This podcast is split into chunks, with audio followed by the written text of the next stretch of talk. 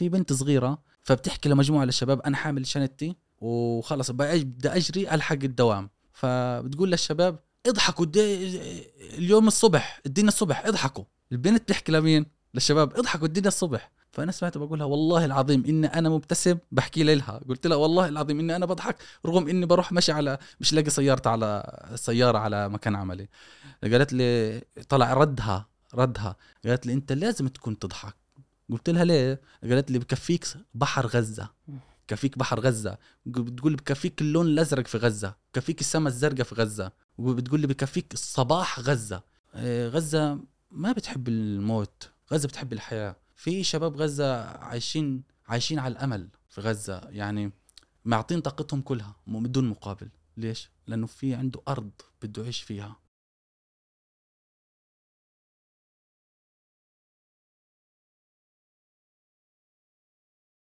السلام عليكم. هذه ديوانية محفوف وأنا محمد الزايد. في الفترة الأخيرة وفي غضون الحرب اللي قاعد نشهدها آه، كثير كان الكلام عن القضية الفلسطينية. آه، كثير من البرامج ما قصروا وتكلموا عن القضية وتاريخها. آه، فإحنا حاولنا ننتقل لزاوية ثانية. حاولنا نشوف الجانب الإنساني للشخص اللي عايش في غزة. فقدرنا نستضيف الأخ محمد محمد. مواطن مواليد غزة آه انتقل لأول مرة في حياته لأنه يعيش ما بين هني في دولة الكويت كمدرس وانصدم بعد مرور أشهر قليلة من مكوثه هني في الكويت آه بالحرب اللي قاعد تصير في غزة. فطلبنا من محمد في ظل آه، الفترة الصعبة اللي هو يمر فيها نفسيا والفترة الصعبة اللي قاعد تمر فيها غزة والصعوبات اللي قاعد يمرون فيها أهله إنه يكون موجود معانا وما قصر وعطانا من وقته. أه تكلمنا معاه عن مشاهده هو الخاصة مو كشخص مختص مو كشخص خبير. تكلمنا مع محمد كقصتها كإنسان مواليد غزة عاش في غزة درس في غزة طلب العلم في غزة توظف في غزة. شلون عايشين أهل غزة؟ وإن شاء الله أن قدرنا بأن نعمل ولو القليل وأن نوفي آه، حق كل شخص عاش في غزة بأن إحنا نوصل قصته لأي شخص يشوف في هذه يشوف هذه الحلقة مشاهدة ممتعة. إيه المخيمات اللي في قطاع غزة عشان تفهم أول شيء بدنا نبدأ من قطاع غزة. نبدأ من قطاع غزة. قطاع غزة هي قطعة مقتطعة من أرض فلسطينية، يعني بالأصل قطاع غزة داخل فلسطين مو خارج فلسطين. لما حدثت الهجرة 48 البلدان والقرى الاحتلال اليهودي دمر البلدان والقرى في وهجر الأهالي وصلوا لقطاع غزة. م. قطاع غزة هي زي ما مثل ما قلت قطعة مقتطعة من أرض فلسطين. هي قطعة شبه مستطيلة. م. شبه مستطيلة. تعال نجي من ناحية الشمال من فوق في آه، هي بتكون من ناحية الشمال الحدوديه مع الاحتلال الإسرائيلي يعني في الأراضي المحتلة من فلسطين. يعني هي مسيجة من ناحية الشمال مع الاحتلال الإسرائيلي اللي هي الاراضينا المحتلة. من ناحية الجنوب من آه، محدود آه، حدودها مع جمهورية جمهورية مصر العربية. آه، الحين بضل إنه خط الساحل البحر الأبيض المتوسط هو قطاع غزة بطل عليه كله المنفذ الوحيد. ثم الشرق الشرق كله حدوده مع مين؟ مع الأراضي الفلسطينية المحتلة اللي هي اليهود. الاحتلال الإسرائيلي كله مسيج. هذا هو قطاع غزه ما لما تقول مسيج شنو تقصد يعني؟ مسيج يعني بسياج وبوابات يمتلكها الاحتلال الإسرائيلي يتحكم بخروج ودخول التجارة.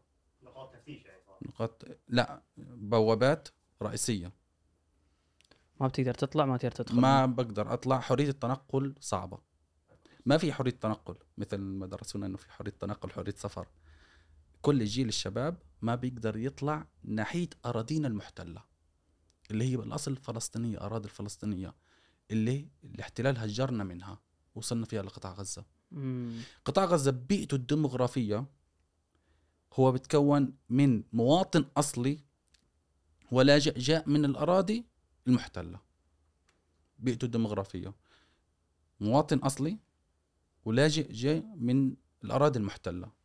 في اختلاف بينهم كطريقة حياته في غزة حقوقه ولا حاله يعني الأسرة اللاجئة حالها حال الاسره اللي أصلها من غزة. خليني أوضح النقطة هذه.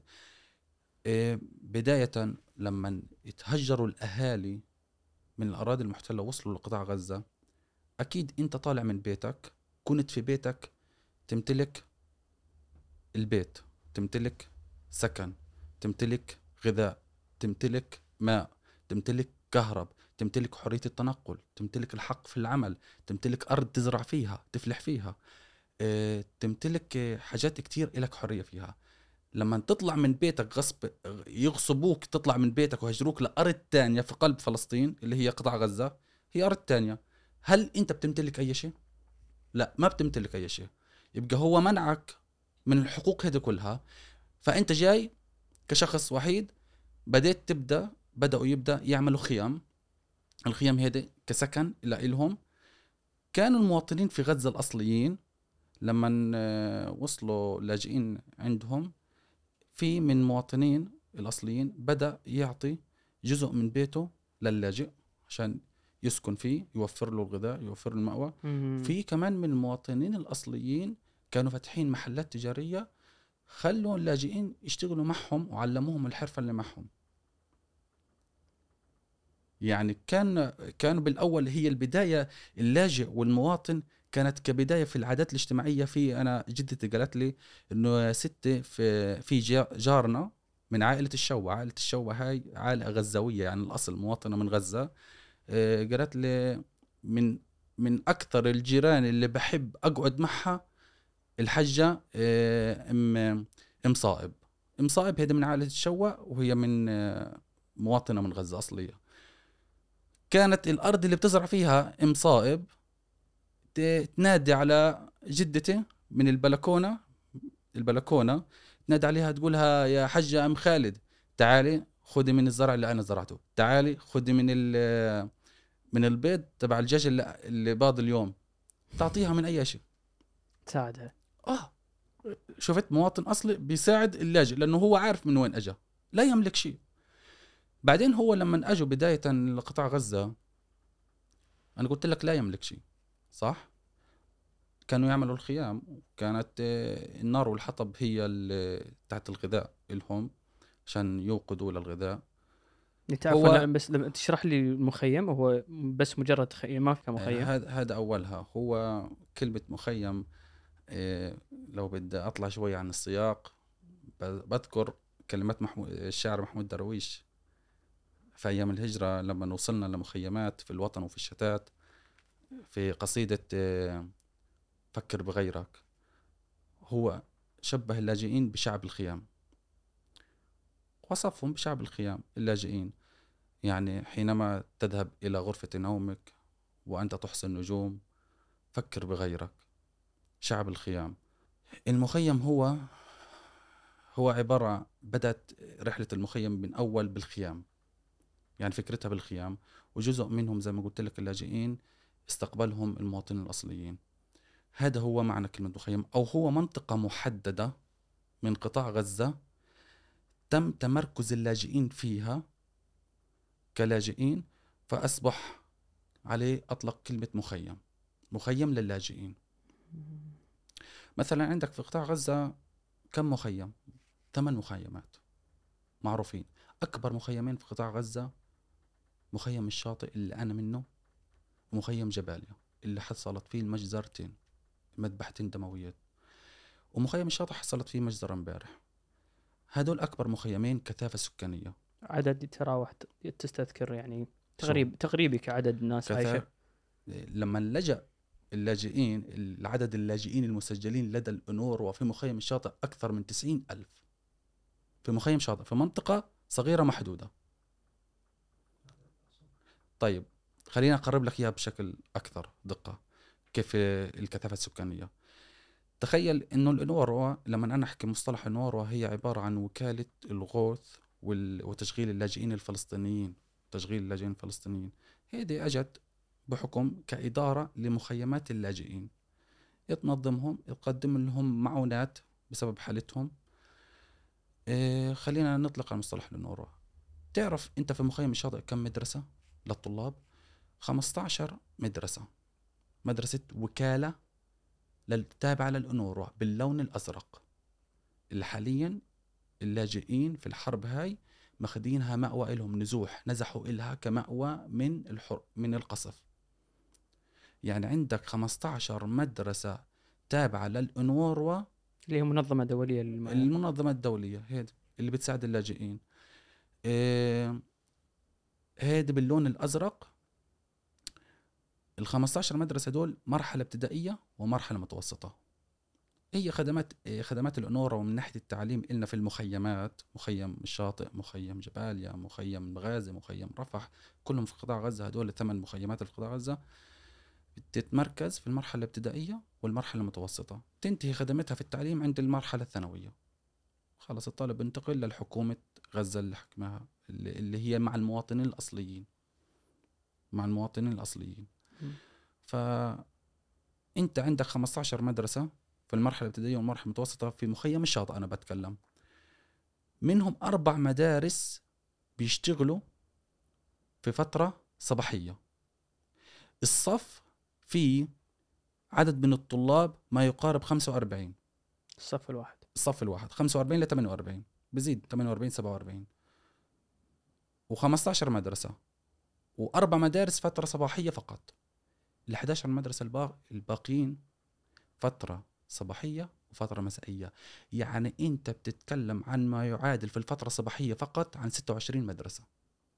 مضغوطين في 15 مدرسة فترة صباحية ومسائية. والصف الواحد فيه 45 يزيد إلى 48 هنا أنا في الكويت بدرس الصف فيه 25 زين توصف لي يعني انت قلت لي عائلتك تعتبر عائلة لاجئة بس انت من مواليد غزة. صحيح. أولى ذكرياتك في غزة يعني؟ يمكن الوالد شنو كان ش... كان يشتغل؟ منو كان يوفر للعائلة؟ بس أبي أفهم طريقة آه، الأسرة اللي موجودة في غزة خصوصا اليوم عندنا مثال فرضا كأسرة تعتبر لاجئة. أنا كأسرة لاجئة أولا آه، أبي عامل بناء. يطلق عليه مصطلح التبرجي. التبرجي. يعني يبني البيوت. آه، إلي خمسة عمام.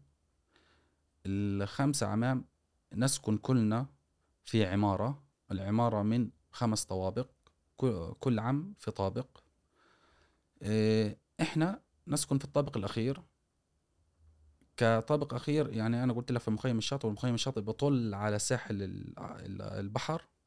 يعني أنا بيتي قريب من البحر ففي الطابق الأخير فإحنا بنطل على البحر بنشوف الصيادين والبحر يعني. فأنا أسرتي نيجي على أسرتي أنا عام أبويا وأمي وعندي أربع إخوة أولاد وعندي ثلاث خوات. إيه، إحنا إيه، أبي كان لما لما إحنا تربينا في غزة إحنا كلنا مواليد غزة الأولاد. كلنا مواليد غزة.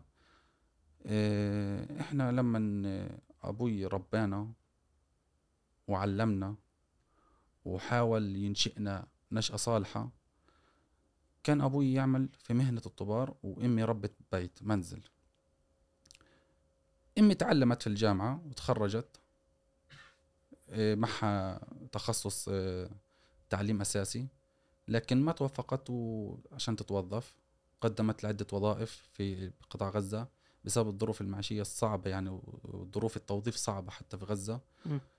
ما كان لها نصيب تتوظف عشان تساند أبويا إنه يعلمنا إحنا فخلص كان كل الأساس على أبي إنه يشتغل في مهنته اللي هي آه، بناء البيوت وكان أبوي يعاني كمان من مشكلة في في قطاع غزة في في المهنة هاي مم. الاحتلال الإسرائيلي وأنت عارف هو يمتلك بوابات أو أو زي ما تقول شريان الحياة لقطاع غزة. بقفل بفتح. بقفل بفتح. فكان فترة من الفترات قفل على مواد الأسمنت والحديد والخشب والحصمة الشغلات الأساسية لعامل البناء. فصاحب البيت لما بده يجي يبني فما يبني. فوين يتجه؟ يتجه لأرخص عامل طبار لأرخص عامل بناء.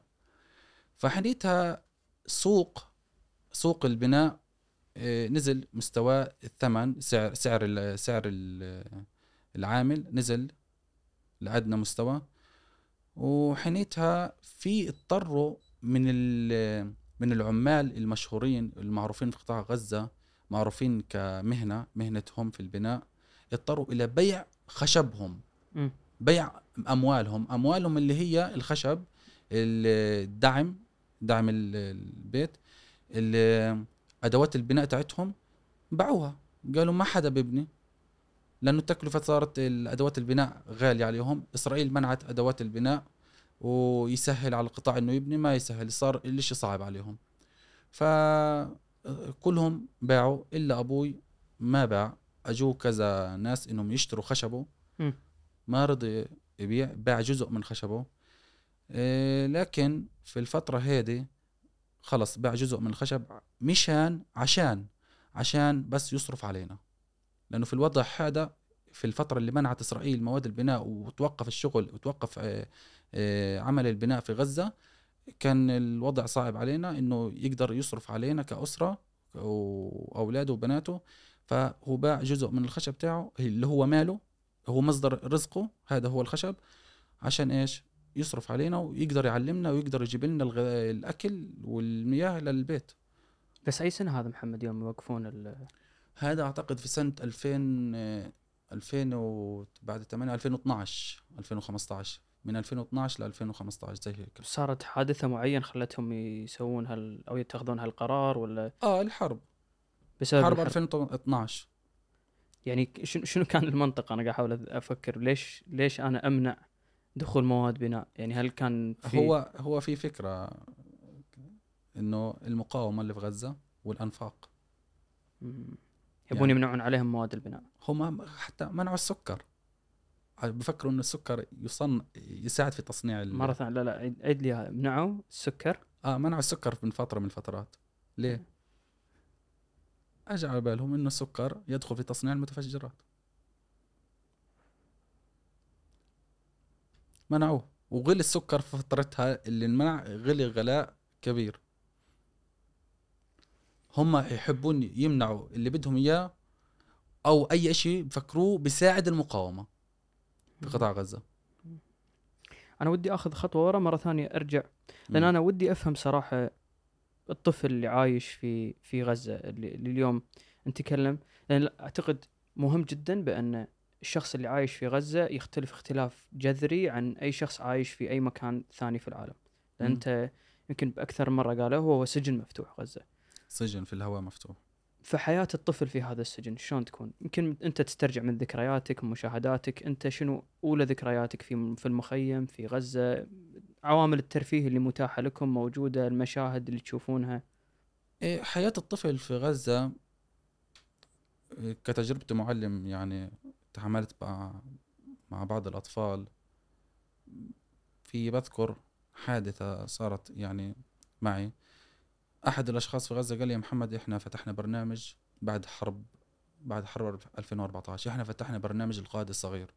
قلت له زين إيش المطلوب؟ قال لي أنا ودي بديك بدي إياك تكون كمدرب في هذا البرنامج. قلت له بس أنا معلم كيمياء ما بنفع للأطفال.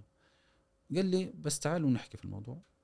دخلت عنده وقال لي البرنامج إنه يهدف إلى إنه إحنا خارجين من حرب بدي أنا أبني نفسية الطفل بدي أحسن من عقلية الطفل أنا بدي أعطيه بعض المواد البدائية في الرياضيات بعض المواد البدائية ألعاب ترفيهية أنا ما بدي أعطيه علم أنا بدي ألعاب ترفيهية عشان أطلعه من نفسية الحرب. قلت له مفهوم خلاص. أعطاني مادة معينة إني أشتغل فيها هي مادة ترفيهية اللغة الإنجليزية.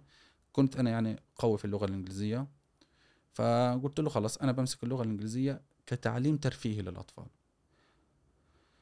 فبدأ البرنامج دخلنا.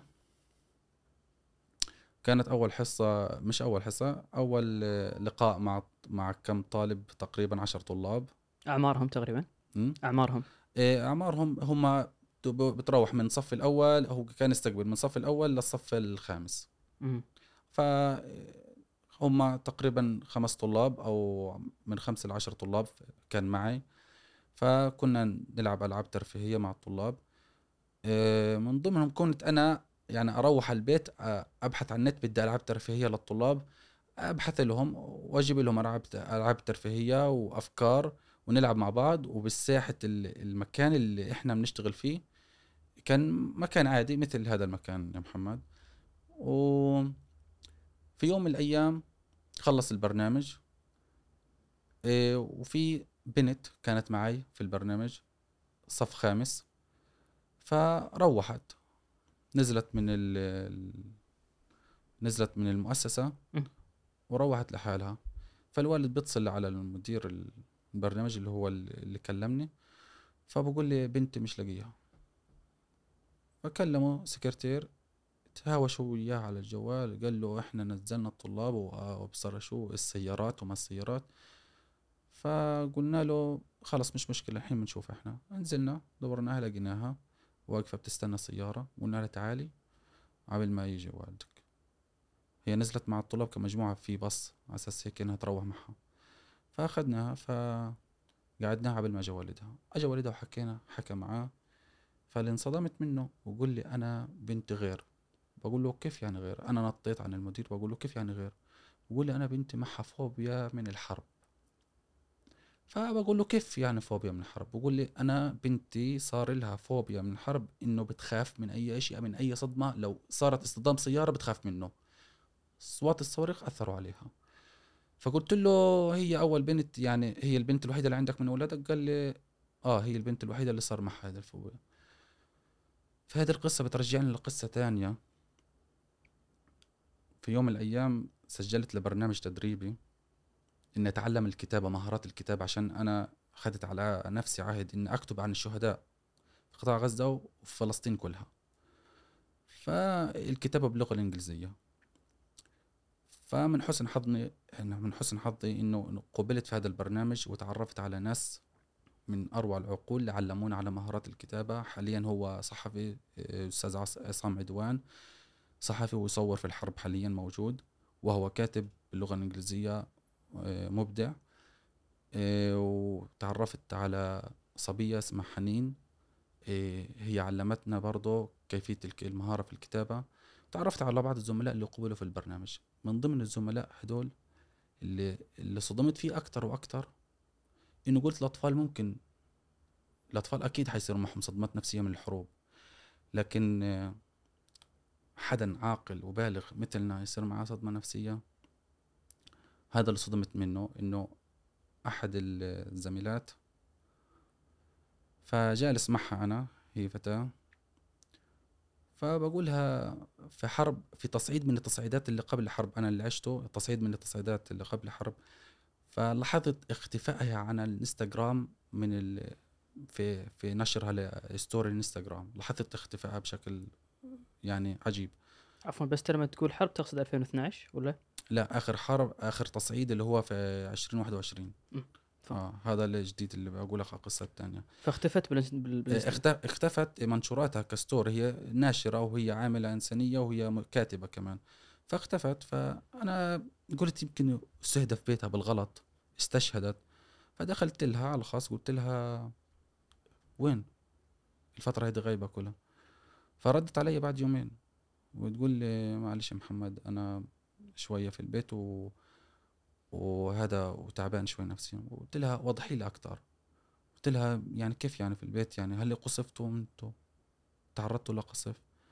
قالت لي لا بس إيه أنا يا محمد 24 ساعة ملازم أبي. ما بقدر أفتح الجوال.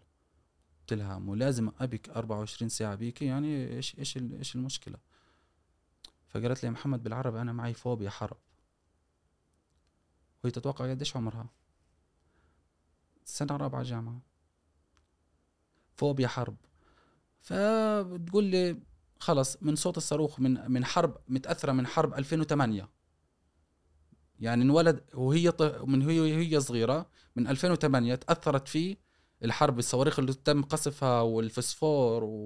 والحاجات اللي بتصير في غزة هاي اتأثرت صار معها لما كبرت وض- وضلوا معها لما كبرت نما معها هيدي الفوبيا. فمن تسمع صوت صاروخ أو صوت إطلاق نار؟ إيه، التماس قشعريرة إيه، خوف جدا. فأنا أعطيك شغلة تانية قصة حصلت معي. أنا كطالب خلال مرحلة الجامعية. تعرفت على أحد يعني المتخصصين تعرفت على أحد المتخصصين في الطب النفسي. كان يدرس في آخر سنة له. فقاعد بدردش أنا وياه بنحكي على قهوة يعني. وشره مع القهوة مع القهوة بنشرب. فبقول له أظن هذا الكلام يا محمد بعد حرب 2012 آه بعد حرب 2012 بقول له يا صاحبي ما الوضع غزة؟ الشباب كلهم نفسياتهم تعبانة. مني أنا بحكي. بعد الحرب. آه. بعد الحرب. بقول لي محمد آه، أنت بتعرف إنه كل غزة مريضة نفسيا؟ قلت له كيف؟ لا هو بقول لي بقول لي اللي قاعد قدامك مريض نفسيا كمان. قلت له كيف؟ قال لي يا محمد إحنا الأشياء اللي بنتعرض لها الفوسفور والصواريخ والمنع وقبل الفوسفور قبل الحرب المنع من الاحتلال. الحصار من الاحتلال الحصار الحصار من كل من كل الجهات التوظيف صعب الحق في التنقل صعب الحق في الحياة صارت مهدورة. لما تروح تعمل تعمل بمبلغ بسيط 20 شيكل 20 شيكل ما يعادل. هذا هذا يوم يوميتك. ما يعادل بالدينار الكويتي. أنا خلينا نقول الدينار الكويتي 12 شيكل يعني 2 دينار كويتي. 6 دولار تقريبا اللي يشوف برا الكويت. 6 دولار. فبقول له فأخذني الحديث معاه فبقول له يا صاحبي إذا إحنا كلنا مرضى نفسيين فنتوقع إنه إحنا بدنا مصحة ن- نفسية يعني إنه تعالجنا. بقول لي يا محمد أنا بيجينا على عيادتي ناس كبار في العمر متزوجين ومتزوجات عشان أعالجهم من الحروب اللي بتصير عندهم من القصوف البيوت جيرانهم عشان أعالجهم. بقول لي بس هيدي أسرار المهنه ما بقدر أطلعها. قلت له صح كلامك. بس محمد أنت آه، كملت المراحل الدراسية لين وصلت الجامعة وتخرجت والله وفقك وقدرت تحصل وظيفة في الكويت. بس هذا شيء طبيعي للناس يعني أنا ودي أعرف ما أدري إذا تحضرك نسبة أو يمكن من من الأمثلة اللي موجودة حواليك. إيش كثر يتركون الدراسة وإيش كثر يكملون لمرحلة ثانوية لمرحلة جامعية؟ يعني في غزة يعني. إيه. نسبة اللي بيتركوا الدراسه أكبر من نسبة اللي بيكملوا التعليم. الاسباب لأنه هو عارف إنه بعد بعد ما يتخرج من الجامعة التوظيف صعب في غزة. بقعد الشا- الشاب الفلسطيني ال- الخريج من أي جامعة في غزة بقعد سبع سنين خمس سنين قبل ما يلاقي وظيفة. هذا المعدل. ومعظم اللي بيتخرجوا بيتخرجوا ما بلا ما بيقدروا يلاقوا وظيفة. بس إيش؟ بروح يتجه اتجاه مهني. بتعلم دبلوم مهني في عنا تخصصات دبلوم مهنية زي مثلا السيا... كهرباء السيارات بروح يتعلم كهرباء السيارات عشان يشتغل آه، عند الميكانيكي عشان يفتح له ورشة. في بعرف زملاتي تخرجوا هندسة من الهندسة من الجامعة الاسلاميه يشتغلوا تاكسي سائق على الخط. بقول له ليه ما في شغل؟ بقول لي يا محمد ما في مشاريع هندسة في غزة إيش؟ وين مشاريع الهندسة في غزة؟ نادر نادر. نسبة تقريبا خمسة في المية مشاريع الهندسة في غزة. ما في شغل. بيشتغل تاكسي على الخط. طيب أنا أقول لك شغلة تانية إنه معظم الشباب اللي بيتخرجوا بيشتغلوا في مخابز. إيش معنى مخابز. ما وغير المخابز بيشتغلوا في مطاعم. قرصون. أنا صار حصل معي أكثر من موقف أدخل اي أدخل مطعم أنا وصديق لي ألاقي زميلي في المطعم بيشتغل. زميل من الجامعة الإسلامية طالع متخرج آه، ب- بشهادة تعليم بكالوريوس يطلع يشتغل في مطعم. ما في وظيفة تستقبله. سوق العمل في غزة ميت. فهي وضع غزة بالنسبة للشباب. لكن كحياة تطوع اللي بده يتطوع في غزة بتطوع لكن بدون مقابل. يمكن التطوع هنا في معظم الدول الخارجية إلها مقابل فلوس مادي. لكن في غزة ما في فلوس مادي. انت بتتطوع عشان تبني مهاراتك انت وإذا بدك تتطوع آه، ما تطلب إشي مادي. ما تتوقع إنهم يعطوك إشي مادي. شنو أنواع التطوع اللي موجودة؟ آه، التطوع ال- كيف يعني من ناحية إيش أنواع التطوع؟ يعني ال- الأشياء اللي تطوع فيها شنو ممكن تعمل كعمل تطوعي في غزة؟ أنا اشتغلت كعمل في تطوع العمل الإنساني بسموه. أنا عن نفسي اشتغلت في التطوع البيئي. كنت مشتغل متطوع بيئي في جمعية انقاذ المستقبل الشبابي إيه، قبلت في برنامج مستقبل جمعيه الانقاذ الشبابي هاي إيه كعضو فيها دربونا على المناخ والبيئة والتربة والمياه عشان تربة غزة ومياه غزة وضع غزة في الحروب إنه التربة بتتعرض لأكثر من كيماويات من الصواريخ هذه بس شو؟ بتستفيد لما تدرس عن التربة في غزة و... لأنه أنا تخصص كيمياء فأنا حابب إنه ليش بستفيد عن التربة؟ لأنه التربة جزء أساسي أنا من غزة جزء أساسي لازم أنا أعالجها لازم أدور على حل للمشاكل اللي أنا بتعرض لها لأن أنا عايش على أرض غزة باكل منها. لأنه في مزارع بزرع فيها وأنا باكل من من المزروعات اللي بت- بتطلع من التربة هاي. فتتخيل إنه عندك أوراق خضراء زي الجرجير يطلع بسموم من الصواريخ اللي بتتعرض لها تربة غزة. وبعدين إيش المزارعين؟ المزارعين يعني بيعانوا مشاكل مع الاحتلال كمان؟ ال- عندك معظم الأراضي الزراعية هي ملاصقة لسياج الاحتلال. سياج الاحتلال من ناحية الأراضي ال- المحتلة اللي عندنا. المزارع ما بده يروح على أرضه يا ما بتعرض لإطلاق نار. يا ما بيهددوا بالشتم بالسب. يا إما أقول لما يحصد لما يحصد مزروعاته يمنع يصدرها للخارج عشان التجارة. الاحتلال بي- بيمنع يصدر المنتجات المنتجات الزراعية اللي عندنا. وكمان غير هيك ممكن يمنع لك يعني تأخذ تقنيات حديثة في الزراعة. يعني في تقنيات حديثة في الزراعة إحنا محتاجين عشان نساعد نطور في الزراعة يمنعها عنا. كمان في غير هيك إنه تبادل الخبرات بين الدول في المزارعين يمنع كوادر تطلع ويمنع يمنع كواد- كوادر أجنبية تدخل عشان يتعلمنا. بس على موضوع الطلعة انت أنت شلون طلعت محمد اذا إذا الموضوع يعني آه. إذا الموضوع موضوع صعب آه، في السفر؟ في السفر إيه. آه إيه، هو انت أنت بتعرف إنه قطاع غزة كسياج حدودي البوابات مين يمتلكها؟ من ناحية الشمال في عندك اسمع علي هو من ناحية الشمال من ناحية الأراضي المحتلة في عندك بوابة إيرز. هيدي مع الاحتلال الإسرائيلي. امشي لناحيه الشرق قطاع غزة. في عندك آه، بوابة كارني بوابة آه، نحل عوز مغلق. بيد الاحتلال بس مغلق. في عندك امشي لناحيه الشرق كمان على السياج الاحتلال مع قطاع غزة. في بوابة آه، كيزيفوم. كيزيفوم هيدا مغلقة. في كمان بوابة صوفا. هيدا مغلقة فتحت جديد في الحرب هاي. عشان قصة الجرحى يجوا عليها يتفتشوا بعدين يطلعوا معبر مصر. آه، صوفا لحظة مرة ثانية يبونهم على المعبر هذا اللي بالشرق يتفتشوا بعدين يروح مرة ثانية على معبر. الجنوب جرحى جرحى يفتش جرحى. يفتش الجرحى. بعدين يرجع 100 كيلو هي المسافة بين صوفا ومعبر رفح اللي أنا سافرت منه هو منفذ الوحيد لشباب غزة وقطاع غزة إنهم يسافروا منه. معبر إيرز بي... معبر إيرز بيسافروا منه ترى. بيسافروا منه. لكن إيش بتسافر منك؟ حقيبتك ومصاريك. بوتك بتفتش. ممنوع تحمل حقائب زي ما حملنا في حملنا في معبر مصر. معبر مصر أنا حملت حقائب كتير اللي معي حملوا حقائب كتير. معبر إيرز أنا بتعرض لمضايقات مض... مع الاحتلال الاسرائيلي معبر إيرز. أنا بتع- بتعرض لمضايقات أمنية. أنا لو خ... جوز خالتي لو ابن عمي لو لو جوز عمتي له علاقة بتنظيم معين أنا بتعرض لمضايقات. عقاب جماعي. أنا لو جاري لو جاري له علاقة في تنظيم معين بقول أنت ليش بتقعد مع بقعدني تحقيق؟ ممكن يضلني أنا في التحقيق ساعات ممكن آه، يحيلني إلى الاعتقال ممكن يطردني يرجعني. وحنيت أنا بفقد السفر. يعني الموضوع صعب جدا من ناحية احتلال بوابات الاحتلال. الحين نيجي سوفا بعديها في كرم أبو سالم. كرم أبو سالم مع الاحتلال وجزء مع معبر مصر يعني هو عزاوية جاي. فهذا تجاري. ومعبر رفح المصري اللي هو دخول وخروج المسافرين عن طريق مصر. يعني إحنا سافرنا في الك... لما اعلنوا سفرنا في الكويت عن طريق معبر رفح آه، المصري. معبر. رفح البري. يعني عن طريق مصر.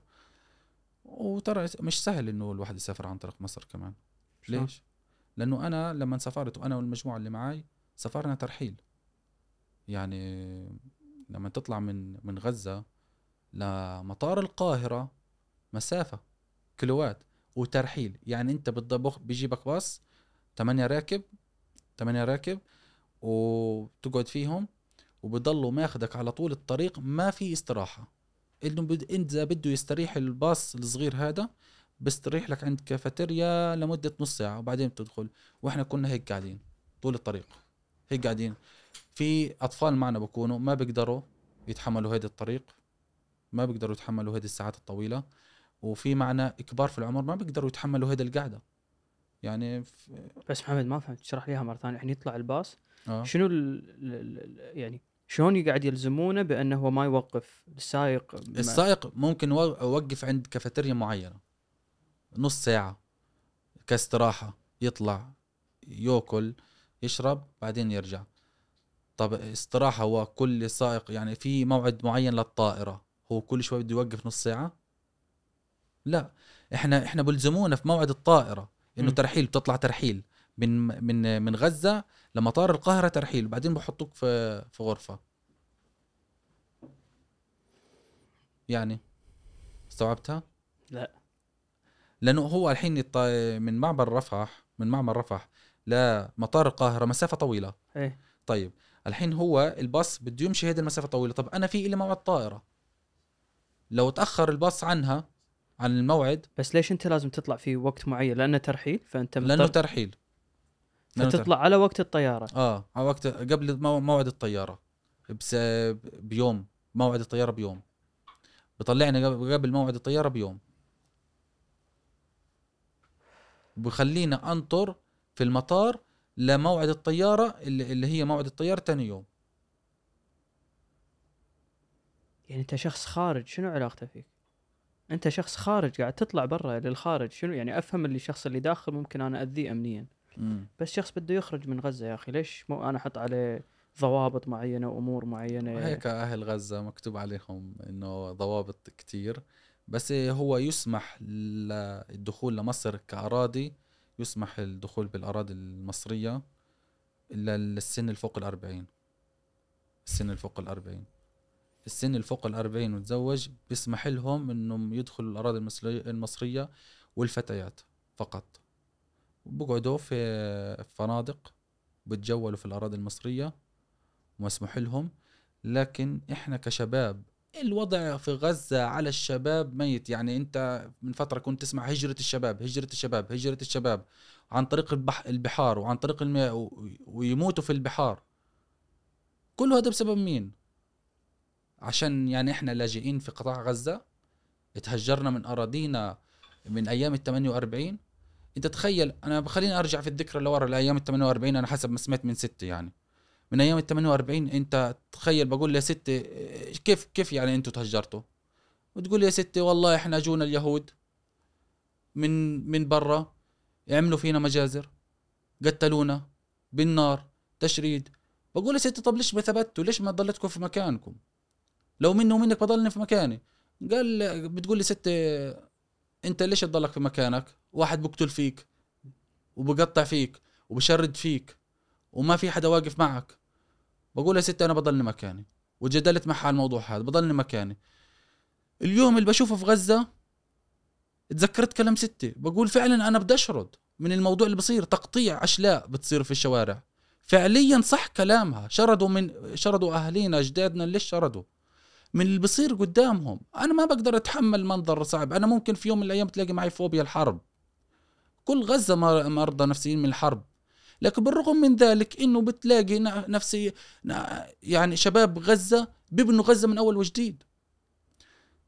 طيب من أيام ال 48 عندك أنت تخيل أكثر من 900 ألف فلسطيني يشرد من بيته لمخيم في الوطن وفي الشتات.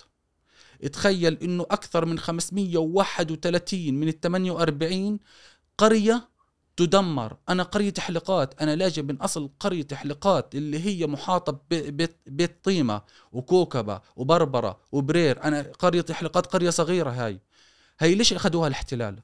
قلتك ليش أخذوها؟ الاحتلال بيعرف وين يتمركز أنا أهل أول شيء خليني أقول إيش هي قرية حلقات. قرية حلقات هي عبارة عن قرية صغيرة أهلها معروفين بالعوائل هدول. صالح صلاح آه، نوفل العاصي. أنا من عائلة صلاح من عائلة صلاح. هدول العائلات تهجروا هي موجودين في قطاع غزة. آه، قرية حلقات أهلها ب- المهنة تاعتهم المهنة تاعتهم الزراعة البعلية اللي هي الفواكه والبقوليات. كمان في قرية حلقات أهلها غير الزراعة البعلية كانوا يشتغلوا في شركة نفطية بعد ما تم اكتشاف إنه في بير نفط في حلقات. هو الاحتلال اليهودي لما اجى بعصاباته الصهيونية يهجرني من قريتي لله. عشان مين؟ بير النفط عشان ثروة البلد اللي أنا عايش فيها ثروة خصبة. فيها بير نفط. كمان أهل القرية كانوا يتزودوا من المية في في بير مية عندهم في القرية معروف. كانوا يأخذوا هذا هذا مصدرهم المائي. هي قرية حلقات. يعني هذا هذا أنا بذكر لك مثال عن قرى كثيرة أكثر من 531 قرية تم إبادتها تم مسحها طمسها عشان يمسح الهوية الفلسطينية الهوية المسلمة الفلسطينية يمسحها يقول إنه أنا إلي تراثي هنا أنا هي مكاني اليهودي يحكي هي مكاني. لا هو مش مكانه بالأصل هو هجر هو هو قتل فيا وقطعني أشلاء وطردني من طردني من بيتي ومسح القرية هاي. انت تخيل كمان أكثر من 51 مجزرة خلال ال 48 هجرة ال 48 تطلع من عصابات صهيونية؟ العصابات الصهيونية اللي درسوني إياها وأنا صغير في المدارس الوكالة العصابات الصهيونية هي دي المشهورة المعروفة الايرجون والهاجانا والشتيرين هدول هي العصابات الصهيونية اللي أجت من خارج فلسطين عشان ترتكب هذه المجازر. يعني عفوا جيش نظامي ولا منظمات لا ولا عصابات صهيونية يهودية. شنو عصابات سنة تقصد فيها يعني؟ يعني أي أي أي تنظيم معين بيعمل حاله عصابة. اي تنظيم تنظيم. مدنيين مسلحين آه، يعني مو مو- تابعين لنظام حكومي أو جيش حكومي. لا من أصول يهودية مو تابعين ل- ل- للجيش اللي هم تابعين للجيش الإسرائيلي. من الجيش الإسرائيلي هم أصلهم بس مسمين حالهم بكونوا حالهم عصابة صهيونية مسلحين وموفر لهم تسهيلات إنه يقضوا على هذه القرية. على ذكر اسم المجازر. واحد أكثر من 51 مجزرة أنا على ما أذكر ما بصير في غزة حاليا. مجزرة مخيم الشاطئ ومجزرة جباليا ومجزرة المعمداني مستشفى المعمداني. هم حاليا مش في مناطق متفرقة. هم حاليا قاعدين بيعملوا في غزة مجزرة أكبر مجزرة دموية. أنا عشان أنا أربط المجزرة هيدي اللي بتصير بالمجازر اللي صارت. في عندك مجزرة صبرا وشتيلة في لبنان. في عندك مجزرة دير ياسين في صارت. في عندك مجزرة الدوايمة صارت. في عندك مجزرة حيفا. مجزرة مجزرة آه، مجزرة آه، صبرا وشتيلة. تمت بقيادة مين هذا؟ بقيادة أرائيل شارون. طيب مجزرة مين؟ دير ياسين. تمت بقيادة آه، مناحم بي- بيجن. مجزرة حيفا. سموها هيدي مجزرة حيفا سموها باسم التطهير العرقي. سموها العصابات الصهيونية هيدي بالتطهير العرقي. في عندك مجزرة آه، الدوايمة هيدي بقيادة آه، بقيادة الصهيوني هذا. شو اسمه؟ أرائيل شارون أعتقد ومناحم بيجن كمان وفي عندك كمان ال آه موشي ديان موشي ديان في مجزرة الد- الدوايمة تعرف المجازر هيدي إيش المشترك بينها ومجزرة اليوم؟ مم. كل المجازر هيدي لو تقرأ عبر التاريخ هتعرف إنه المجازر هيدي في عامل مشترك بيناتهم. فصل الاتصال عن العالم عزلهم عن العالم قطع الكهرب قطع المي عشان تتم المجازر. وتخيل من أكثر أكثر من 15 ألف ضحية بين بين شهيد وجريح ومعاق ومشلول من هذه المجازر. لحتى الآن تدرس في التاريخ. فعلا ما يتم في قطاع غزة هو فصل. أول ما بدأت الحرب فصل غزة عن العالم. قطع الكهرب قطع الماء قطع وهذا كله كان في مجزرة صبرا وشتيلا أرائيل شارون لما نفذ صبر مجزرة صبرا وشتيلا فصل مخيم صبرا عن مخيم شتيلا ونفذ المجزرة هن ونفذ المجزرة هن في لبنان. فصلهم فصل وفصلهم عن العالم. تخيل تخيل عشان ينفذ واحد مجزرة بيفصل ال... بيفصل المنطقة عن العالم. ما يصير في غزة مجزرة. مجزرة بحق أهل غزة.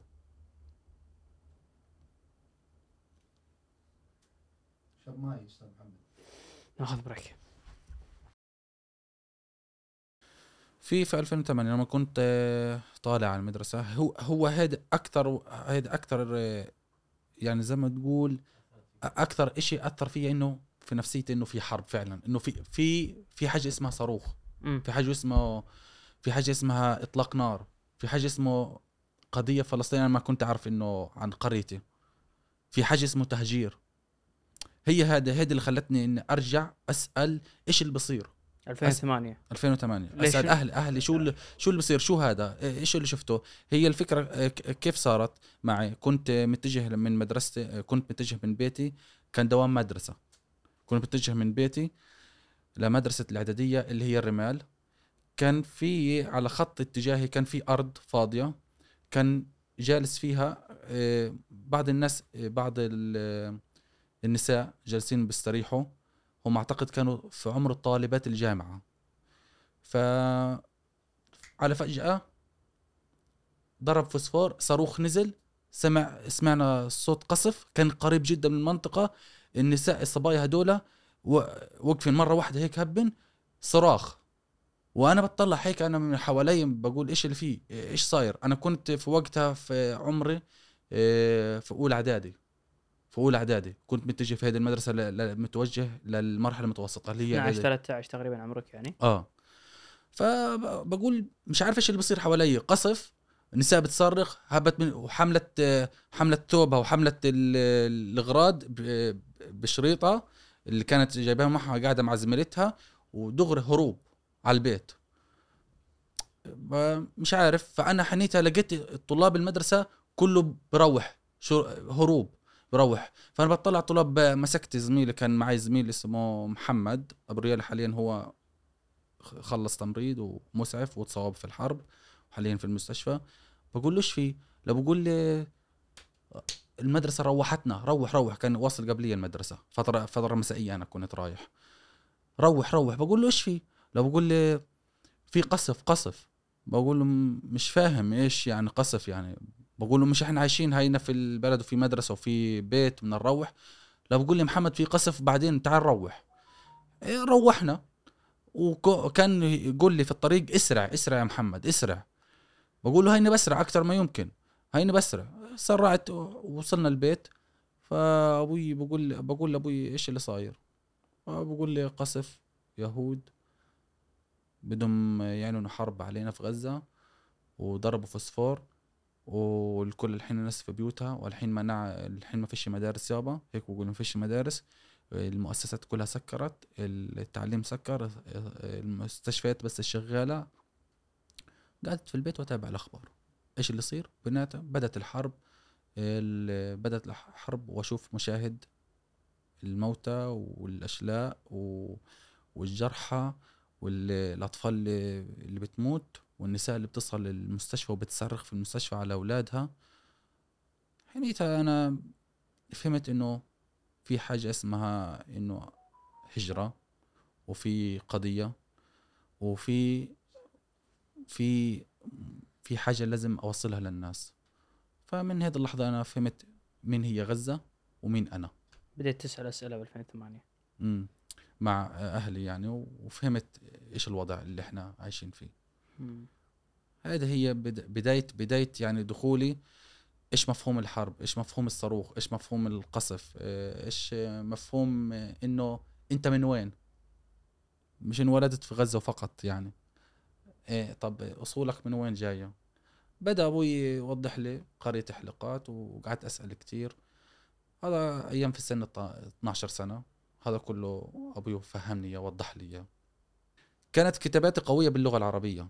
لدرجة نشرت في آخر حرب اللي هي 2000 لا مش الأخيرة هيدي 2014 هيدي الحرب طلعت مني قصة. إيه، كنت جالس في الغرفة بسمع صوت القصف عادي والبوارج البحرية بتضرب ناحية بيتي إيه، ناحية الشط البحر. يعني أنا لأنه أنا غرفتي بتطل على شط البحر مباشرة فأنا بسمع الصوت القصف من البوارج البحرية على الشط على ال- ناحية الشط البحر إيه، كانت الدنيا ليل في ال- في- الليل في غزة في الحرب إيه، الليل في حرب غزة إشي ما بتتوقعه ما حدا بينام الكل قاعد عباب بيته محضر الشنطة اوراقه والمستندات الأصلية الم- الاوراق والمستندات المستندات تاعت اولاده وتاعت زوجته وهو هذا الأب وقاعدين وحاطين مفروشات عباب البيت. هذا الليل في غزة الليل في غزة. بحيث لو صار أي قصف أي تهديد على السريع يمسك هالشنطة وكل واحد إيش في أنا بحكي لك عن مثال عن نفسي. أنا أبوي كان يحضر الشنطة أمي تحضر الشنطة فيها بعض المسندات والشنطة مش ثقيلة. تكون خفيفة لا إيش تجري. وكانت محضرة لاخوتي الصغار كل واحد لبس معين يعني عشان يصير غيار. بحيث إنه نجري وأوراقنا مستندات بحيث إنه لو صار أي شيء نجري اجراء فأنا كنت في الوقت هذا أتركهم ما انام معهم على باب البيت أروح على غرفتي. خلص أحب أقعد لحالي. إيه، أستمتع في في في, في ليل في ليل الصواريخ الصواريخ هنا أحاول أكتب شيء. فمن الأخبار وأنا بتابعها على اللابتوب عندي في الليل كنت بتابعها إنه تم قصف مجزرة مجزرة في شارع الشو في شارع الوحدة عائلة أبو العوف وعائلة الكولك وعائلة الفرنجي. مجزرة دموية قصفوا هيدا ثلاث أبراج قصفوها بساكنيها. فلما سمعت الخبر بعد بعد يومين بتبع الخبر طلعوا طفل واحد من هذه الأبراج آه، اسمه عزيز. أهله كلهم ميتين فكتبت القصة عنه. وربطت معاه طفل تاني مع بداية الحرب. أول ما بدأت الحرب كانت في سوق الساحة في سوق الساحة كان بده يصبح عيد بده يصبح يوم عيد. كانت الأم ماسكة ابنها من إيده وبدها تروح تشتري له أواعي العيد ملابس العيد. نزل الصاروخ وانفصلوا وصارت المجزرة في سوق الساحة. فربط الاثنين هذا محمد اللي في سوق الساحة فقد بصره دخل في رحلة علاجية ما بين غزة ومصر فقد بصره وعزيز فقد عائلته كان أبوه محامي وحاولت إني أربط مهنة أبوه بالعدل اللي حيعيشه اللي كان حيعدل فيه الناس مع الطفل إيش حتكون مهنتك بالأخير؟ بس تكبر. كتبت إنه بس تكبر أنت مش حتشوف أهلك. ولا ما حد ما راح تعرف مين اليد اللي أطعمتك جدك ولا ستك ولا أمك ولا أبوك. هتعرف إنها يد واحد تاني أو امرأة تانية تكفلت فيك. فربطت القصة وأسميت القصة آه، باسم القلب والعين. واحد فقد بصره والتاني فقد أهله اللي هم قلبه. فربطت القصة هيك و... والقصة هيدي حاولت أنشرها. في عدة أماكن. ما قبلت بالنشر لكن مسكت القصة ورحت ورحت كتبت قصة ثانية. أسميتها لأنه القصة الثانية إلها برضو إلها سبب في كتابتها. اسمها حتى تضع حتى تضع الحرب أوزارها. القصة هذه كتبتها بعنوان حتى تضع الحرب أوزارها وهي آية في القرآن الكريم. وكانت سبب كتابتي لهي القصة لأنه أبي بيعمل في الدفاع المدني كجندي في الدفاع المدني يعني هو بيطلع هو وزمايله بس وقت القصف يطفوا الحريق يساندوا الناس يشيلوا الحجار يطلعوا ال- ال- الجرحى يطلعوا الموتى إيه، يحاولوا يسعفوا الناس يكون معهم مسعفين. ف يوم من الأيام بعد مرور الحرب هاي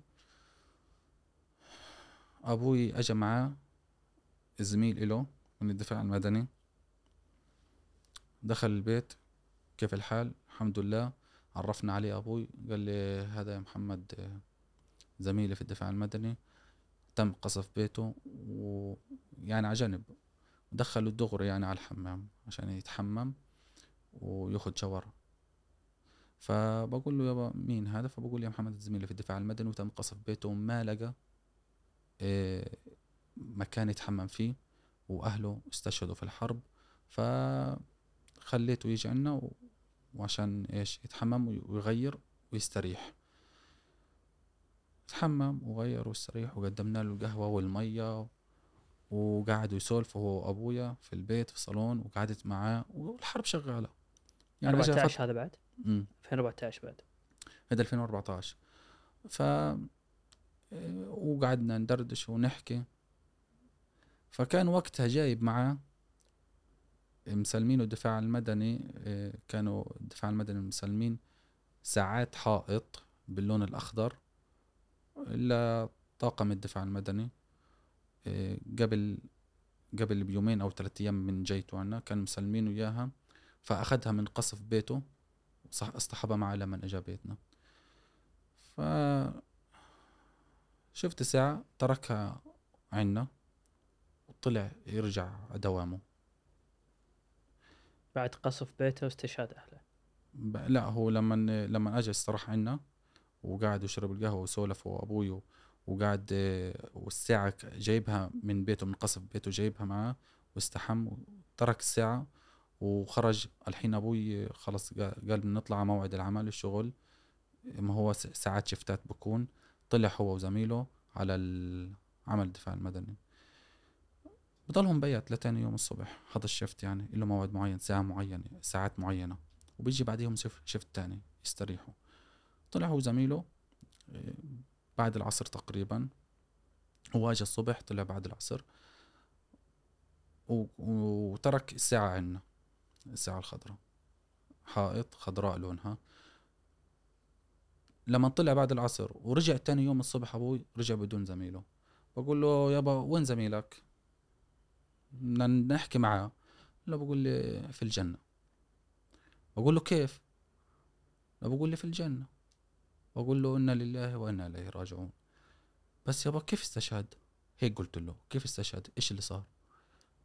بقول لي يابا والله طلعنا على قصف مكان إحنا م- معطينا إيه يعني يعني إيه بقول زي إيش بقول لهم بقولوا لهم حاولوا تبعدوا عن مكان القصف إحنا فعليا بنكون حذرين جدا إحنا وطواقم الإسعاف والصحفيين بنكون حذرين نبعد عن القصف مسافة معينة بنكون مخت... يعني السيارة ورا حيطة معينة.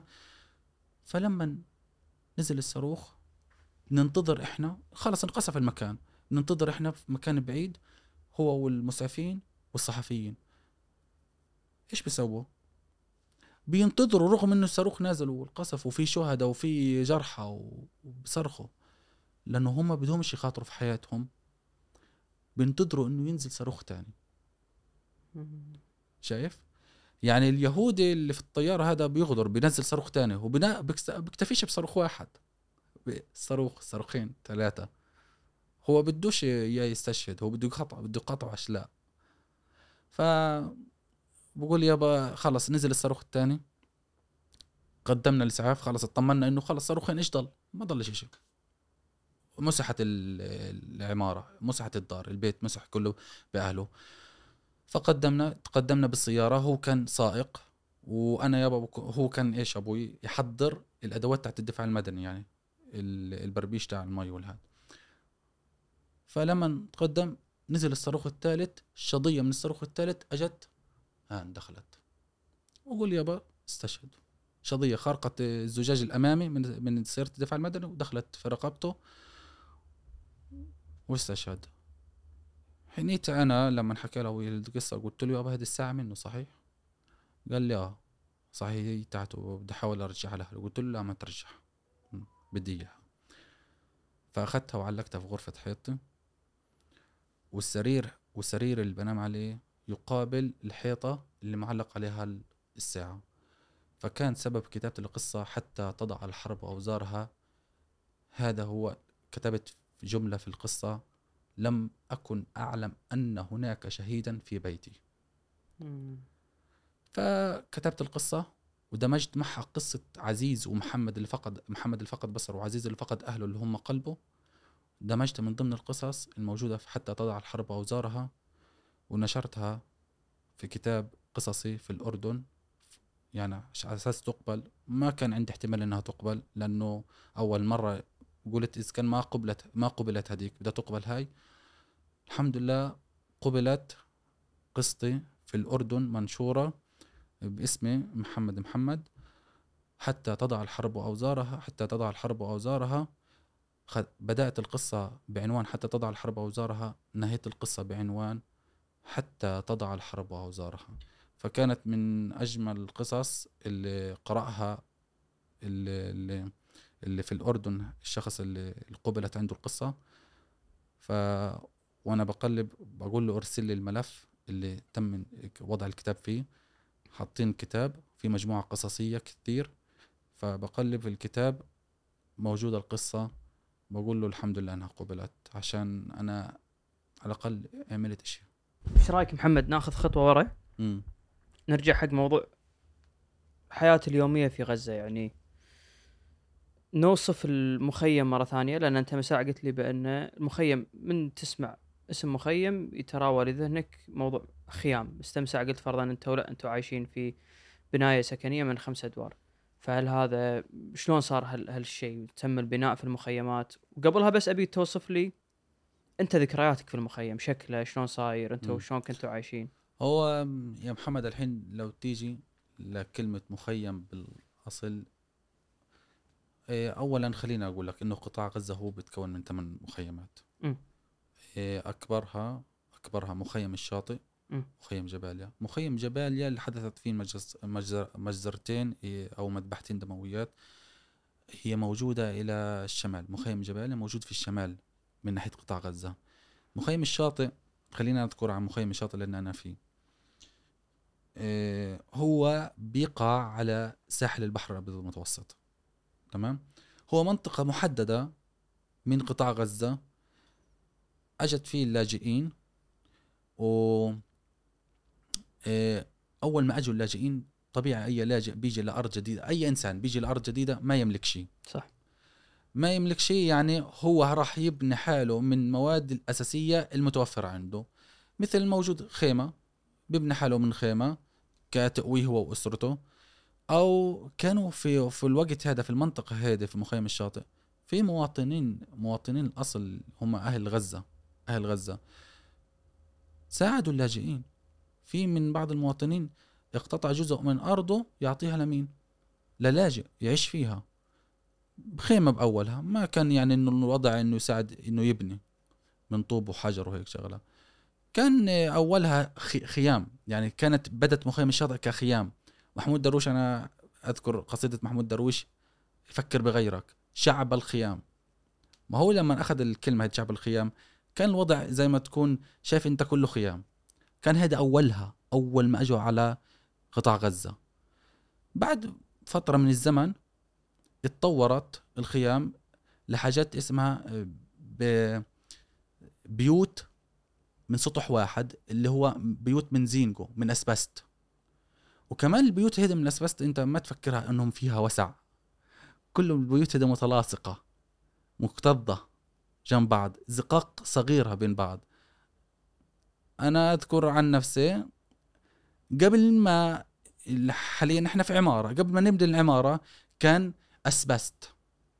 هذا الأسبست جاري أسبست.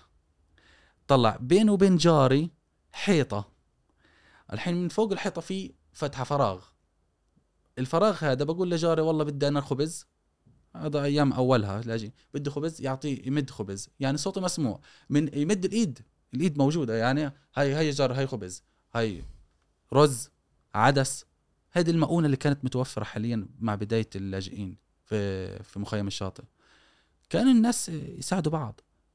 إيه ترى أنا قلت إنه ذكرت إنه في عنا في سكن في أول في أول السكن لما كان أسبست كان لنا جار مواطن أصلي من أهل غزة يعني الأصل من عائلة الشوا يا الله إيش هالجار ال- اللي, اللي أنا لا أستطيع وصف أم صائب يعني.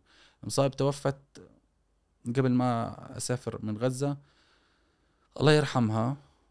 كانت تمدنا بالمعونة. لكل جيرانها اللاجئين لانها هي عارفة إنه هم جايين جايين من عند احتلال قتلهم شردهم هجرهم من أراضي ال 48 من بلدانهم وقراهم. كانت تمدنا كثير بالمعونة ام صايب فكانوا كل البيوت في مخيم قطاع في مخيم الشاطئ كانت كل البيوت من زينجو يعني. اتطورت من خيام لبيوت زينجو متلاصقة مكتظه في بالسكان مكتظه كمان جنب بعض. فبعد هيك صارت إيه، مع الزمن اتطورت إنه آه، رب البيت بده يزوج ابنه. إيش اضطر يضطر يبني بيت فوق بيته. يعني إيش؟ يصير طبقين. يصير طبقين. كان آه، متوفر المواد البناء أولها يعني إنه لأنه من أولها إنه آه، هيدي ال 48 آه، د- الجمعية العامة للأمم المتحدة مع مع لما اللاجئين أجوا لقطاع غزة طلعت قرار آه، 302 هذا قرارهم كان إنشاء وكالة الغوث وتشغيل اللاجئين الفلسطينيين اللي هم في قطاع غزة. آه، على سبيل المثال في مخيم الشاطئ لما لما آه، طلع هذا قرار إنشاء ال- وكالة الغوث وتشغيل اللاجئين الفلسطينيين. إجت هيدي مسكت إدارة المخيمات. مخيم الشاطئ مخيم جباليا مخيم المغازي مخيم رفح. فهاي هنا النقطة هان. لما مسكت إدارتهم صارت إيش؟ تقدم معونات إلهم. وكمان كان لما ندخل الاحتلال أي إشي مواد بناء بالتنسيق مع مين؟ مع هيدي الوكالة اللي نوروا بنحكي عنها اسم نوروا. طيب صار أي حد رب بيت بده يبني بده يزوج ابنه فصار يبني طابق تاني. كانت المواد رخيصة أولها. يعني كان الدعم موجود أول بأول لأنه لاجئين لسه فريش زي ما تقول. فصاروا يبنوا. والبنى كمان لما صار في ناس تبني طابق طابقين ثلاثة أربعة والبنى صار متلاصق. كله مع بعض.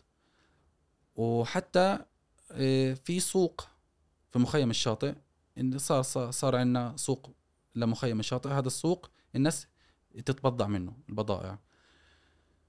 طيب الحين على طول البحر الأبيض على شاطئ البحر الأبيض البيوت موجودة. البيوت موجوده على طول البحر الأبيض. فمعظمها من زينجو كانت. معظمها من زينجو لسه ما تطورت في البناء كتير. في بيوت تطورت في البناء وفي بيوت لسه ما تطورت. ولحتى الآن لحتى الآن في بيوت بزينجو مم. بأسبست. لأنه وضعهم المادي بيكون صعب. طيب لما تطورت قصة البناء وصار في عنا عمارات وصار في عنا آه، في يعني بيوت طبقين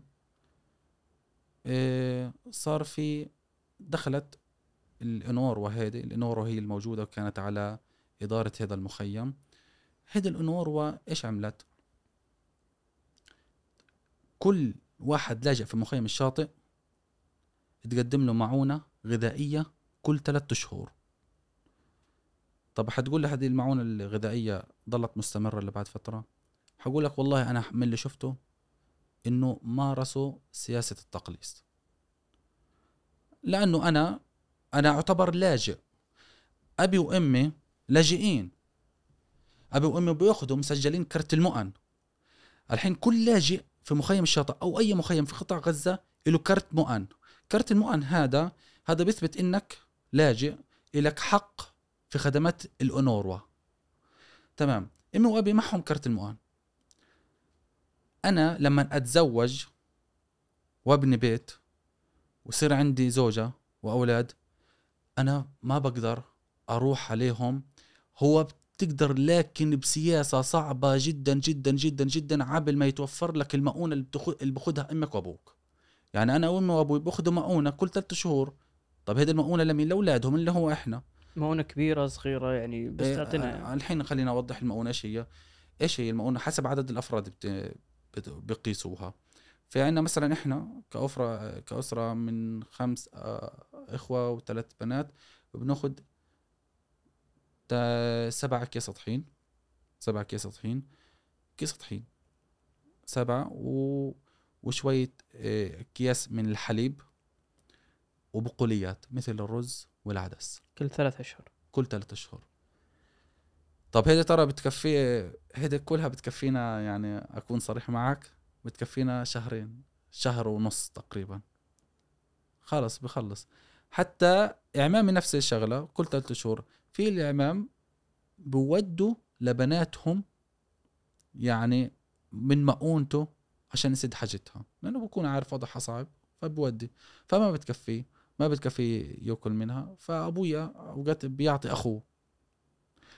مثلا الجار بيعطي جاره منه من اكياس الطحين بتتوزع يعني. هذه المؤونة عفوا محمد اللي في الأي- يعني في أولى أيام القصف كانوا الحرب الحالية هذه اللي. حاصلة الحين. كانوا يقولون إن ال- الناس دخلت على مخازن المؤونة وقاموا يأخذون المؤونة منها. لأن استغربنا إحنا ما كنا ندري شنو شنو يقصدون فيها كمؤونة. آه، بس هذه المقصودة؟ آه هي هذه. هذه كانت موجودة في المخازن الاونوروا اللي هي المسؤولة عن إدارة المخيمات. مم. كانت موجودة في المخازن. هي بالاول بالأول بالأخير خلينا نوضح هذه النقطة لأنه الناس ممكن في ناس تطلع بسبق صحفي عشان إيه توجه رسالة بيقول هاي الشعب سرق. لا الشعب ما سرق. هذا حقه. هذا حقه. وهي موزع الحصص. حتى طلعت مديرة الوكالة في غزة قالت يا عمي إحنا ما كنا مخبيين عشان تنتبهوا إحنا ما كنا مخبيين ولا الشعب سرق. إحنا في ظل الظروف اللي بنعيشها مش قادرين نوزع على الشعب. ما قادرين نحط موظفين إحنا كموظفين وكالة محميين من يعني من إيش من إيش إحنا جينا من حاجة اسمها أمم متحدة نقصف. مدارسنا تقصف. مؤسساتنا تقصف. مكاتبنا تقصف. فالموظفين ما قدروا يصلوا لهذه المخازن. انه يوزعوها على الناس فالناس خلص تأخذها. هذا حقهم بالأول بالاخير ف فأنا بدي أوضح لك شغلة إنه من اللي شفته يعني خلال فترة يعني في حياتي في غزة إنه في كان في تقليص يعني أنا لما أجي أتجوز مش حقدر مش مش حقدر حيعطوني إياها بس إيش؟ بعد سبع سنين ثمان سنين عشر سنين. في ناس لحتى الآن أبوه معاه كرت الت- التموين وبيأخذ مؤن وتزوج هو الولد يتزوج خلص هو لما يتزوج حيطلع عن مين؟ حي... حيخرج اسمه من كرت التموين من أمه وأبوه. خلص بصير اسمه عيله لح... عيلة لحاله. فلما يخرج حيقلص من إيش؟ كمية المؤونة اللي باخذها أمه وأبوه. فهو بده يروح يسجل اسمه كلاجئ لدى الأونروا ما هو لازم الأونروا تحصي في المخيمات كم لاجئ موجود في كل مخيم لأنه هيدي وظيفتها ترى. إذا ما حصت بالشكل الصحيح فهي بتمارس سياسة يهودية. مم. أقولها بشكل صريح. لأنه هذا حقنا. كل لاجئ إيه، بجيب عدد من الأنفار فهم لاجئين.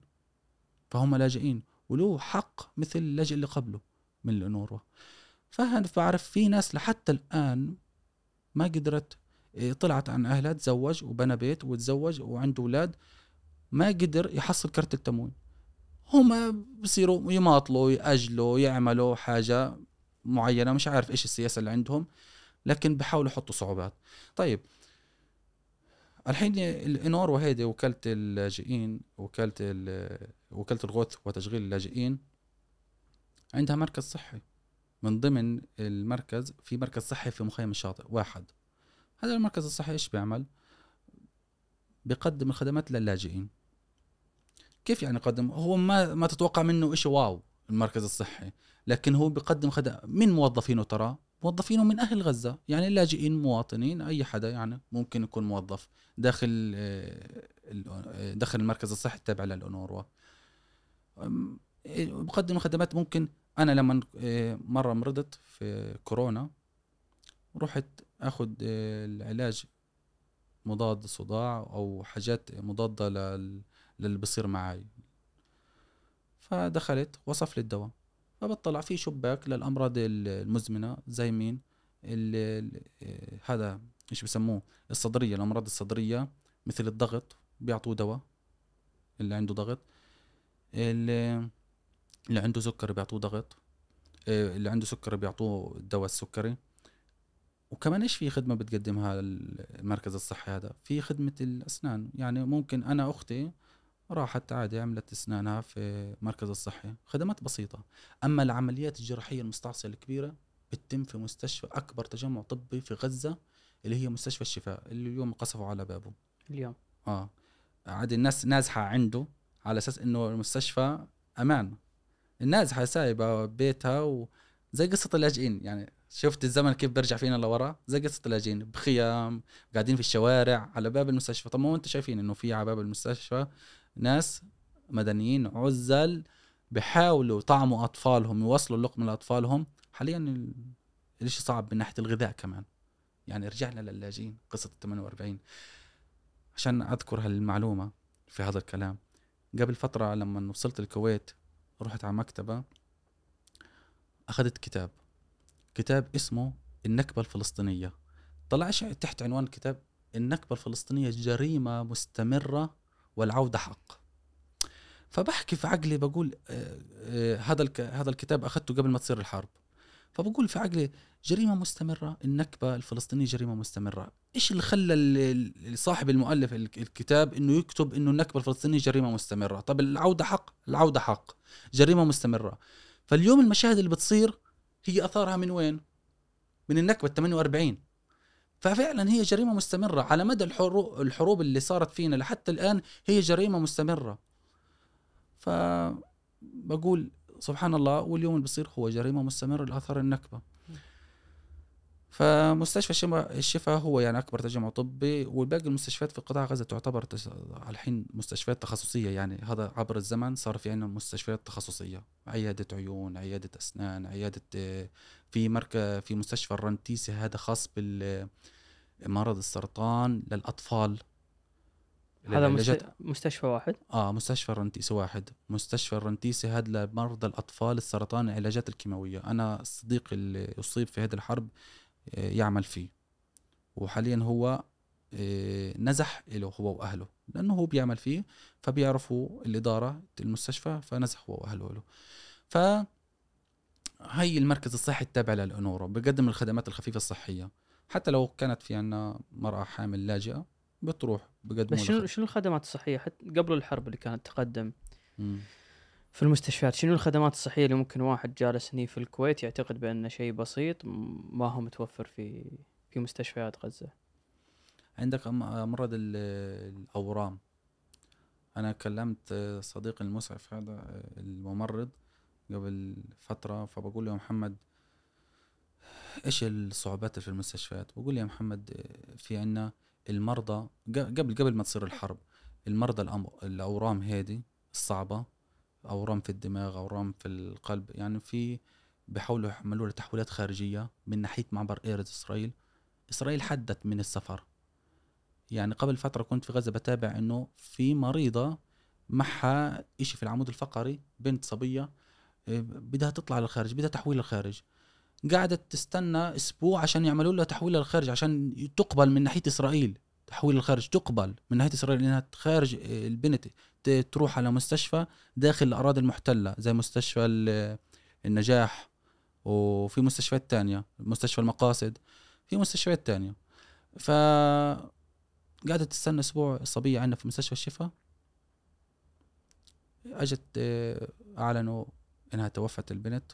خلاص ما بدنا الورقة. مم. ما بدنا الورقة. است... توفت البنت. في أمراض الأورام حددت إسرائيل الاحتلال الإسرائيلي حدد إنه السفر يصير عن عن طريق معبر إيرز. في كمان في الأطفال الكيماوي ال- الأطفال في مستشفى الرنتيسي اللي بيتعرضوا لجرعات كيماوية. طب هذا الطفل معه مرض سرطان. فبده أكيد جرعات كيماوية على استمرار. اسرائيل الاحتلال الإسرائيلي شو عمل؟ ما حدد كمية الجرعات الكيماوية اللي تدخل لقطاع غزة. أنت شايف كيف؟ حدد أنا كلمته هو صديقي فبقول يا محمد حددها الكمية. بقول أنا بشتغل في المستشفى. حدد كمية ال- الجرعات الكيماوية اللي إحنا بنوصلها للأطفال عشان نضلع على قيد الحياة نعطيه أمل في الحياة حددها. بقول لي في بعض الأطفال بدهم محتاجين سفر للخارج بيطولوا في الإجراءات قبل ما يقبلوا الاحتلال الإسرائيلي. إيش في كمان؟ في في حالات ال ال الأمراض اللي بسموها هذه أمراض الدماغ الجلطات الد- الدماغية القوية هذا في عندنا المستشفيات المستشفى العام إذا ما قدر عليها فبده يحاول إيش يعمل لها؟ تحويلها للخارج. وين الخارج؟ الاراضي المحتلة اللي هي مستشفى القدس ومستشفى المقاصد مستشفى النجاح. الاحتلال الاسرائيلي بيقعد بال... بالأسبوعين قبل ما يطلع لك ورقة القبول. المستشفى عندنا على السريع يختم إنه هذا فعلا له حالة معينة لازم يطلع فوري. لازم يسافر عن طريق المعبر. ممكن يعكس عليه. وفي بتطول. لما تطول الشخص بموت في المستشفى. تطول عملية القبول من الاحتلال الإسرائيلي الشخص يموت في المستشفى. أنت تخيل عندنا في غزة تقريبا ما يقارب 30 30 مستشفى. أكبر تجمع للأمراض والتخصصات هو مستشفى الشفاء. أكبر تجمع أكبر تجمع مستشفى طبي حاليا عندنا. والباقي مستشفيات تخصصية. عيون آه، مرضى السرطان أسنان كله تخصصي. أما مستشفى الشفاء بيجمع كل التخصصات جراحة باطنة صدرية آه، عظام. عمليات الجراحية العالية. مستشفى هاي- واحد بيخدم بمليونين تقريبا ما يفوق مليونين نسمة. 2 مليون. والباقي تخصصية وكمان في بعض المستشفيات خرجت عن الخدمة يعني ترى. إنه في بعض المستشفيات خرجت عن الخدمة. تخيل هذا المستشفى اللي بيحكوا عنه اليهود حاليا في الحرب بتهدد فيه. مستشفى الشفاء الطبي هو أكبر تجمع ل 2 مليون. من رفح من حدود مصر رفح بتحول المستشفيات التخصصية عليه. من لعند شمال قطاع غزة من رفح جنوب قطاع غزة لعند شمال قطاع غزة كله وشرق قطاع غزة كل المستشفيات بتحول عليه. هو إذا حس إنه الحالة هيدي مستعصية عليه بحولها للخارج وبيستنى القبول من الاحتلال الإسرائيلي. بعد أسبوعين يرد عليه. الحالة ماتت. المريض مات. زي ما حصل مع ال- مع الصبية اللي ذكرت لك إياها إنه كان إشي في عندها في العمود الفقري في الحبل الشوكي إشي معين واصل في دماغها ما أذكر الحالة بالضبط لأنه تابعت على الفيديو. تستنى امها طلعت تناجد إنه يا عم استعجلونا في في القبول. يا أخي أنت فعليا عايش في سجن ها؟ يعني أنت بس لك الحرية تعمل اللي بدك إياه داخل هذا السجن خارج السجن لو أنت مريض لو أنت على شفا إنك تموت. في لما دخلت برنامج تدريبي لمهارات الكتابة قبل ما يعلمونا مهارات الكتابة أجانا أستاذ إيش اسمه؟ والله نسيت اسمه. ما أعرف هل هو عايش في الحرب ولا توفى ولا استشهد الله أعلم. أجانا خبير في الحقوق يعلمنا يقولنا عشان أعلمكم تكتبوا في الكتابة كيف تدمج القانون اللي بيحكي لنا عنه الغرب في كتاباتك. زي أول قانون دخلنا عليه ميثاق حقوق الإنسان. في ميثاق لحقوق الإنسان. بقرأ البند الأول البند الثاني البند الثالث. الحق في الحياة. أنا إيش تعال يا محمد أكلمك عن الحق في الحياة عندنا في غزة. أنت عمالك بتقول لي إشي غريب إحنا عايشين في سجن الحق في حياة وين؟ أنا أقول لك. خلينا نبدأها من عند التعليم. الخريج لما يتخرج بلاقي صعوبة لما يتوظف يلاقي وظيفة معينة. فبروح يتجه لمين؟ للعمل. للعمل المهني. بيشتغل عند ميكانيكي بيشتغل عند عامل بناء. أبوي عامل بناء. يجي أكثر من واحد خريج معاه شهادة تعليمية يشتغل معاه. يجي يصب في البطون يص- يصب أسمنت ينقل احجار ينقل رمل. وأنا اشتغلت معاه ترى. وأخوتي اشتغلوا معاه معاه. كل هذا عشان اوفر لقمة العيش. يجي يشتغلوا عنده. أبوي يحزن عليهم يقول لهم يا عمي روحوا. ما بدي أشغلكم لأنه هو بحس إنه معاه شهادة تعليمية ما هو ما مش قيمته مش قيمته هنا. وين بيتجه كمان؟ للمخابز. بيشتغل داخل المخبز. عشان يقدر يحوش مش إيش يحوش يعني يجمع مقدار ماله يتزوج بعد هيك. يبني بيت له ويتزوج إحنا صار في تأخر في الزواج بسبب الأوضاع المادية الصعبة. يعني صار الواحد يفكر إنه يتزوج على ال 28 على ال 30 فهذه الفكرة. وكمان إيه، بتقول الحق في الحياة بتعلمونا في القانون الحق في الحياة. طب وين حق أي خريج إنه يعمل في سوق العمل؟ ما في سوق عمل. صحيح لكل واحد تلازم شهادته العلمية. في ترى ناس أنا أقول لك شغلة شفتها. في ناس تشتغل بتنظف على بيوت ناس. يعني ب... كنت قاعد في بيت زميل عندي في غزة أجا واحد أجا واحد كنت بشرب قهوة وفاتح الباب على الشارع بطل أجا واحد مع مكنسة وقحاش. وكان قدام على الباب برا في شوية رمل وشوية عليه وسخ. أجا بقولنا أنظف أنظف لكم هذه تعطوني خمسة شيكل. خمسة شيكل يعني نص دينار. دينار كويتي. أنا بقول لز... أنا ما قدرت أحكي. صاحب البيت اللي هو صاحبي هو اللي حكى. قال له والله ما محتاجة تنظيف هي. قال له ممكن تلاقي ناس هو دلوا على ناس تانيين بدهم ينظفوا أرضهم فدلوا يساعدوا. فقال أنا بنظفها بإيدي يعني. ما محتاجة منطقة صغيرة هالقد على باب البيت بدها تنظيف ما محتاجة أنا بنظفها صاحب البيت. م- مؤذي جدا؟ هذا هو بتقول الحق في الحياة يا محمد. ما في حق الحق في الحياة عندنا في القانون. في القانون ندرسه ككلام مكتوب على ورق أما تطبيق على أرض الواقع ما في طيب نيجي مرة تطوعت في شركة استشارية كانت مقابل مبلغ بسيط تطوع هنا شر- شركة استشارية تم قبولي ان اتطوع لحاجة إنه نجمع بيانات أنزل على الميدان في قطاع غزة عشان أنا ومجموعة من الأشخاص أجمع بيانات عن مين؟ عن حاجة اسمها النباشين. إيش النباشين؟ إحنا بنحكيها في الإنجليزي ال- ال waste آه، pick ال- ال waste pickers. ملتقطين نفايات. ملتقطين نفايات. طب ليش ليش الشركة ليش يعني اللي فكر في البحث هذا ليش فكر فيه؟ أنا ما كنت أعرف حاجة اسمها نباشين يعني. أنا كنت أعرف إنه في ناس أطفال على قبل بيوتنا بيوت أي واحد في قطاع غزة يجوا ينبشوا في الفت... في النفايات اللي إحنا بنرميها على البيت ينبش في النفايات. ليش نب... سموهم نباشين؟ عشان بنبش في النفايات عشان نطلع تنكة الكولا أو إيه، حاجة اسمها بلاستيك أو حاجة اسمها قريبة من البلاستيك. مم. ومعظمهم والله كنت أشوفهم أنا في الشارع بعد صلاة العشاء حاطط الناظور هنا على راسه بعد صلاة العشاء بساعتين عشان الناس ما تشوف. خلص الناس بت بتروح تنام وبتسيب زبالتها برا. حاطط الناظور ولما ننبش بحط الناظور هيك. أنا كنت قاعد على باب الدار شفت طفل طفل إيه، صف خامس سادس في مرحلة متوسطة مرحلة ابتدائية ومعاه الكروسة هيدي بسكليت عجل من قدام وعجلين من ورا. وبنبش بطلع رحت أنا أنا أنا إنسان خجول كتير بس رحت تجرأت سألته. قلت له تعال يا عمي. كان في في الوقت هذا مطلوب مني إني أنا أعمل مقابلة مع كم نباش. مع كم واحد ملتقط نفايات. بدي اعمل مقابله غصبا عني لأنه التقرير بده يطلع. رحت حكيت معاه قلت له أنت شو شو بتعمل؟ الولد بيحكي معي وعينيه في الأرض يعني ومش عاجبه إنه بدوش خلص حد يعرف أو ما بدوش يسأل في هذه التفاصيل. بقول له بس عفوا أنا بدي أعرف لإيش أنت بتعمل هذا؟ وين أهلك؟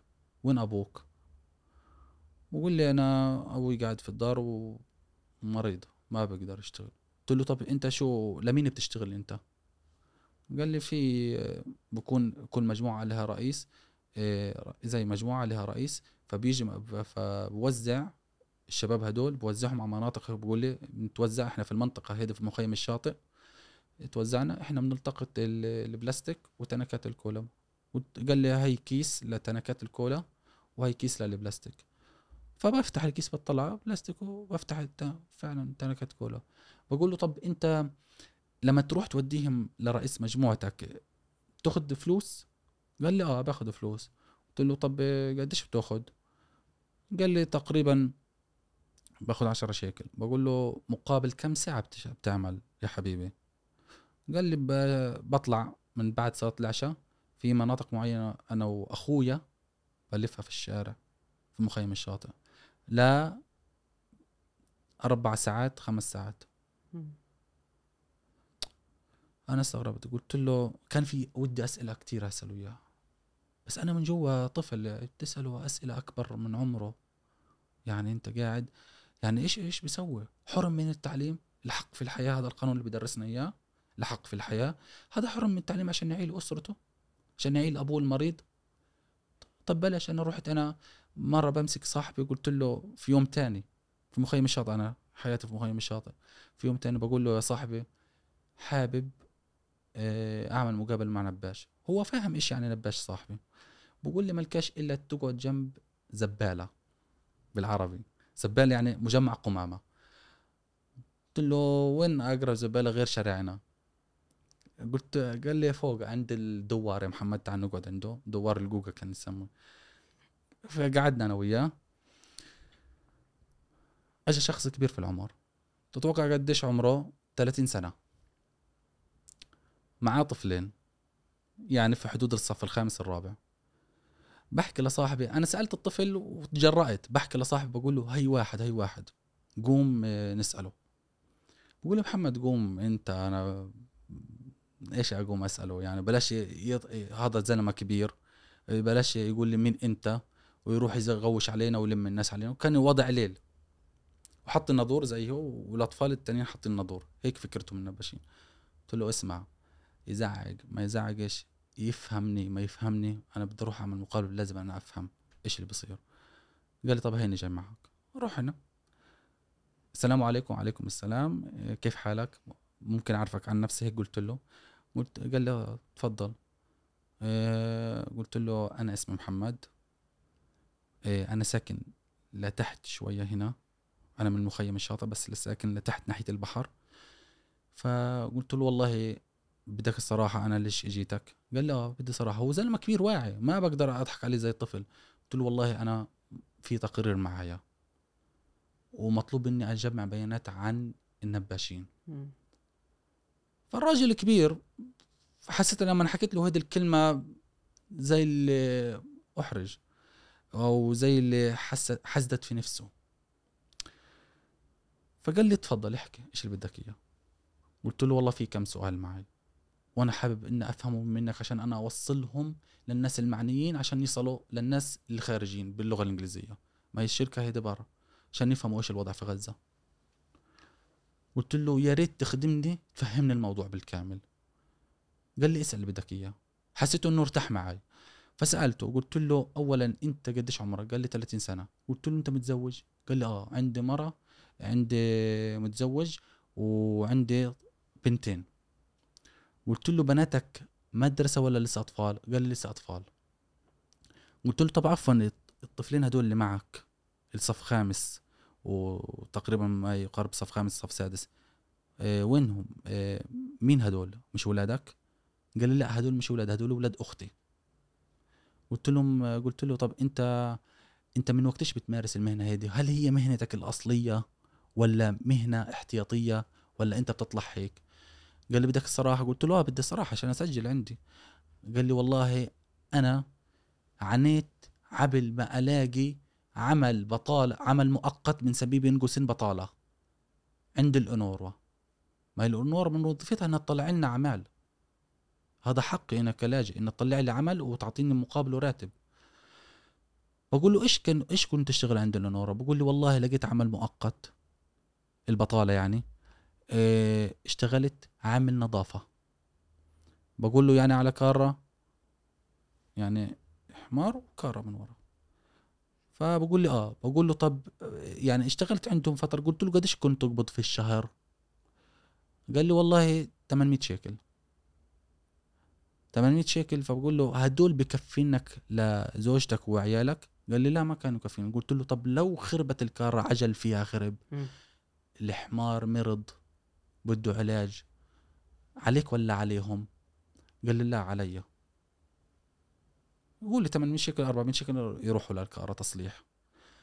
فقلت له طيب أنت خلصتها المهنة هيدي؟ قال لي آه أنا خلصتها وما لقيت شغل بعديها. فقلت له ما اتجهتش لمخبز لأي حاجة. قال لي لا ما لقيت شغل. ما المخابز آه، ما عند عندهم استيعاب كامل ما- في شغل.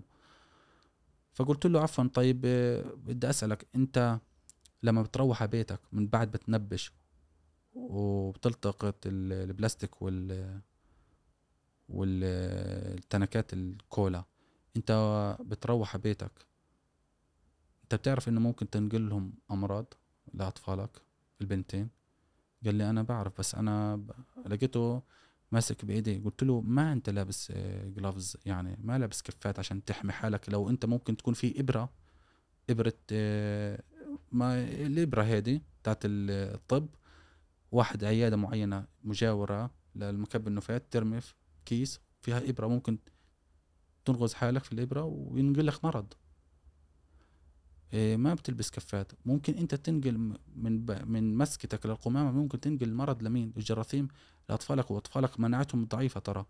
قال لي قال لي أنا بعرف هذا الكلام. قلت له شو بتعمل؟ قال لي أنا بروح البيت قبل ما أمسك أي شيء. بدخل حمام بتحمم.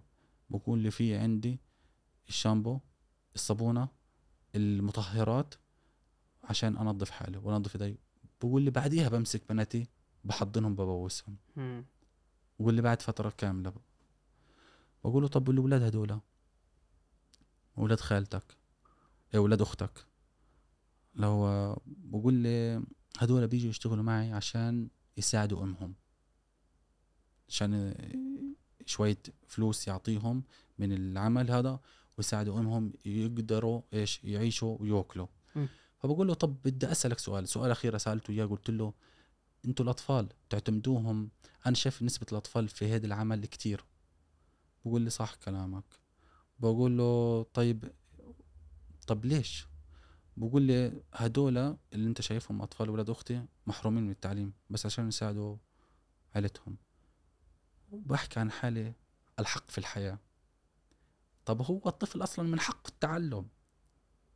هو الطفل مش مطلوب منه نشت يعمل. بروح يشتغل عشان يعيل يعيل عيلة.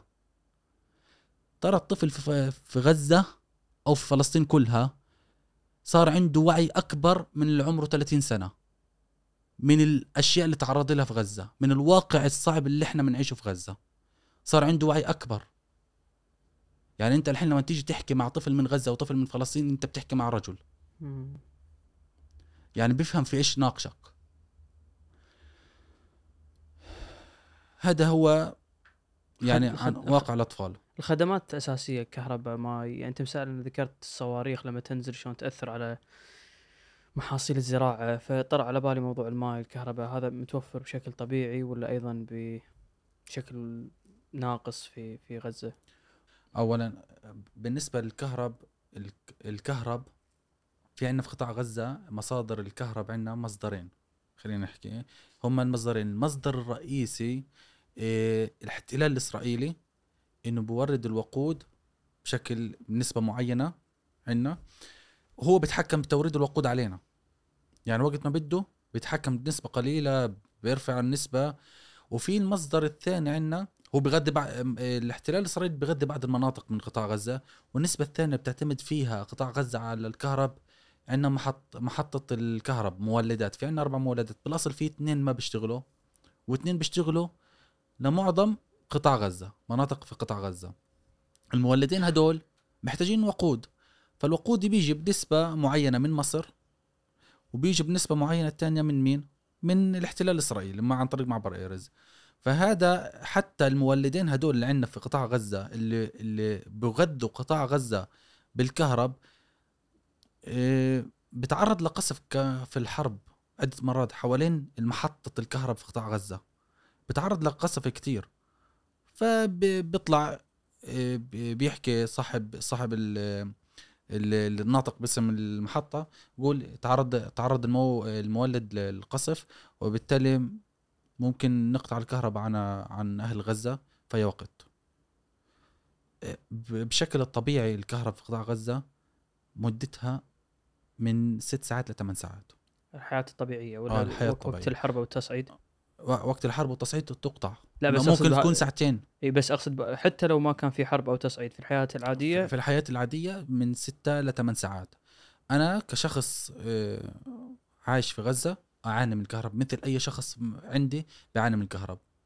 أنا فترة من الفترات لما كنت أشتغل معلم في لمدارس تابعه للأونروا كنت أخرج كانت الكهرباء تقطع عشان أحضر للطلاب كانت الكهرباء تكون مقطوعة. هي مثلا مثلا تيجي من الساعة 6 الصبح تقطع الساعة واحدة تنتين الساعة واحدة. هاي فترة معينة صباحية. في فترة مسائية بتيجي وقت إيش؟ بعد صلاة المغرب أو صلاة العشاء. بعد صلاة العشاء زي هيك وبتضلها ل لتاني يوم الصبح. مم. بتقطع.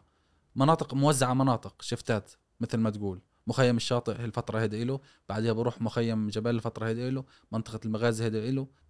بالنسبة لل عفوا اللي إحنا مساعد ذكرنا موضوع الكهرباء المي هم في آه. شنو شلون طبيعته في غزة؟ متوفر دائما المية المية عشان أنا اشتغلت فيها بشكل متطوع كانوا يعطونا تدريبات كثيرة عن المية يعني كان في دكتور أحمد حلس أنا أذكر دكتور مبدع في في البيئة والمناخ والمياه. في إحنا لو نذكر المية إيش مصادر قطاع غزة في المية؟ في عندك ثلاث مصادر. المصدر الأول خلينا نحكي اللي هو مية ميكاروت ومش لكل قطاع غزة. هذا ميكاروت هي شركة وطنية شركة مياه وطنية. الاسم شركة مياه وطنية من إسرائيل من الاحتلال الإسرائيلي. هيدي بتأخذ مياهها هو سموها مكروت على اسم الشركة يعني باللغة العبرية باللغة العبرية عند إسرائيل. شركة مياه وطنية من آه، الاحتلال الإسرائيلي بياخذوا ميتها هذه الشركة من الآبار الموجودة على حدود سياج ما بين الأراضي المحتلة وقطاع غزة اللي إحنا عايشين فيه. هذه موجودة يعني السياج ما انحط عبث إيه؟ السياج مكانه مو عبث يعني متعمدين عشان يتحكموا بالمفاصل الحياة الموجودة في قطاع غزة مم. تحكموا بمفاصل الحياة فكروا إنهم راح يقطعوا الحياة عنا كاملة أو يقطعونا عن سبل الحياة لكن خسئوا ما ما قدروا يقطعوا الحياة عنا. إيه، فهذا مصدر مصدر من مصادر إيه، المكروت مصدر من مصادر المياه. لكن بنسبة كبيرة 90% بتغذي إسرائيل. المياه هيدي مياه حلوة. بتغذي إسرائيل الداخل الأراضي المحتلة لمستوطناتها بتغذيهم هي في المياه ب 90% ال 10% قلت لك وين؟ في وصلات ما بين قطاع غزة والأراضي المحتلة اللي هم محتلينها. إيه أنابيب توصيل بتحكموا فيها بالنسبة اللي بدهم إياها. يدخلونها بنسبة 5% 10% بس هيدي لوين موجودة؟ في المناطق تقريبا منتشرة بوصلوها في قطاع غزة لمناطق الجنوب. يعني زي رفح وخان يونس هي منتشرة هناك. طيب ما باقي الم... باقي المناطق؟ بتصل فيه معنا محطات تحلية مياه البحار. هذا مصدر ثاني. مصدر ميكروت خلصناه المصدر الثاني محطات تحلية مياه البحار. أنا بقول لك محطات تحلية مياه البحار. تتوقع هذه المحطات وين موجودة؟ على شرق غزة عند نواحي الأراضي المحتلة مع الاحتلال الإسرائيلي ولا على ساحل البحر الأبيض؟ مم. على ساحل البحر. مم. لأنه هي محطات تحليه مياه بحر صح؟ فعندنا ثلاث محطات إحنا. أكبر محطة بحاولوا يشغلوها من قبل ما تبدأ الحرب هو مشروع ضخم هذه موجوده في بيت حنون ناحية البحر على ساحل البحر هذا أكبر محطة ما قدروا يشغلوها رغم إنه اجى هذا المشروع أجنبي ممول أجنبي والدكتور أحمد حلس كان هو مجموعة من الدكاترة والبروفيسور في المياه والهندسة والمهندسين انه يشغلوه بالإشراف. ما قدروا يشغلوه هذه المحطة الكبيرة لأنه محتاج معدات وآليات ضخمة وتقنيات حديثة إنها تتشغل عشان يتحلي المية اللي تسحب تسحب مية من البحر وتحليها. محتاج معدات وتقنيات حديثة جدا. طب من وين تمرق المعدات والتقنيات الحديثة هذه من الاحتلال الإسرائيلي. الاحتلال الاسرائيلي إيش عامل؟ إكس عليها. طب هيدا أنت أنت بتغذي مدنيين. أظن أعتقد إنه هي كانت موجودة. المشروع هذا موجود وقائم والمعدات موجودة. ولكن المادة اللي تضاف إلى المياه للتنقية النهائية للمياه هذه كانوا يقطعوها هذه مواد كيميائية. تضاف إلى المياه في آخر مرحلة من الفلترة. مم. ولكن هذه اليهود آه، كالأسلوب المعتاد لما في زيادة الحصار علينا كانوا يقطعوا هذه المواد. اللي بتعمل على تنقية المياه في آخر مرحلة من مراحلها. عشان يحدون الموضوع. صحيح. آه، آه. في اظن في كمان تحلية؟ آه في في محطتين ضيلات هم غير المحطه هيدا دير البلح آه، في محطتين- الشمسية. امم صح. إيه، في عدم توفر الكهرباء طبعا. طبعا هي ما هو سبب معظم محطات تحلية المياه اللي ما بتشتغل. الكهرباء ضمن سبب من الأسباب يعني. أنت بتحكي عن ست ساعات أربع ساعات. طب هو بحاول يوفر لهيدي المحطة صار وقود احتياطي لإلها. منها تشغل نفسها من نفسها. هيدي بتشتغل على الخلايا الشمسية المحطتين محطتين موجودات في دير البلح واحدة قريبة والتانية بعيدة شوية يعني عنهم. فهدول ب- بأخذوا من البحر وبحاولوا يحلوا مياه البحر عشان تكون كمصدر مياه لشعب غزة.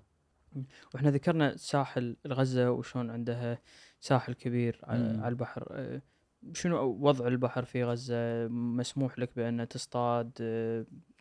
ش- خلينا بما إنه أنا من مخيم الشاطئ خلينا أحكي لك عن مهنته. أهل مخيم الشاطئ اللي أجوا لاجئين هم أصلا اللاجئين اللي أجوا في مخيم الشاطئ أجوا معظمهم من بلدات حمامة من ب... أقول لك القرى والبلدان اللي أجوا واستقروا في مخيم الشاطئ. بلدة حمامة في ناس من بلدة حمامة في من الجورة في من المجدل في من هربيا في من ازدود آه، في من السوافير. هدول هي مخيم الشاطئ منتشر بالناس هدول من البلدات هدول. فأهالي المخيم هنا مهنتهم الأساسية بشكل كبير الصيد في البحر. أنا من أحلى المناظر عندي بحر في الليل إني أشوف القوارب وهي بتصطاد. تكون مضاءة كلها بأضواء صفراء. لكن في مساحة مسموحة على الصيادين ستة ميل.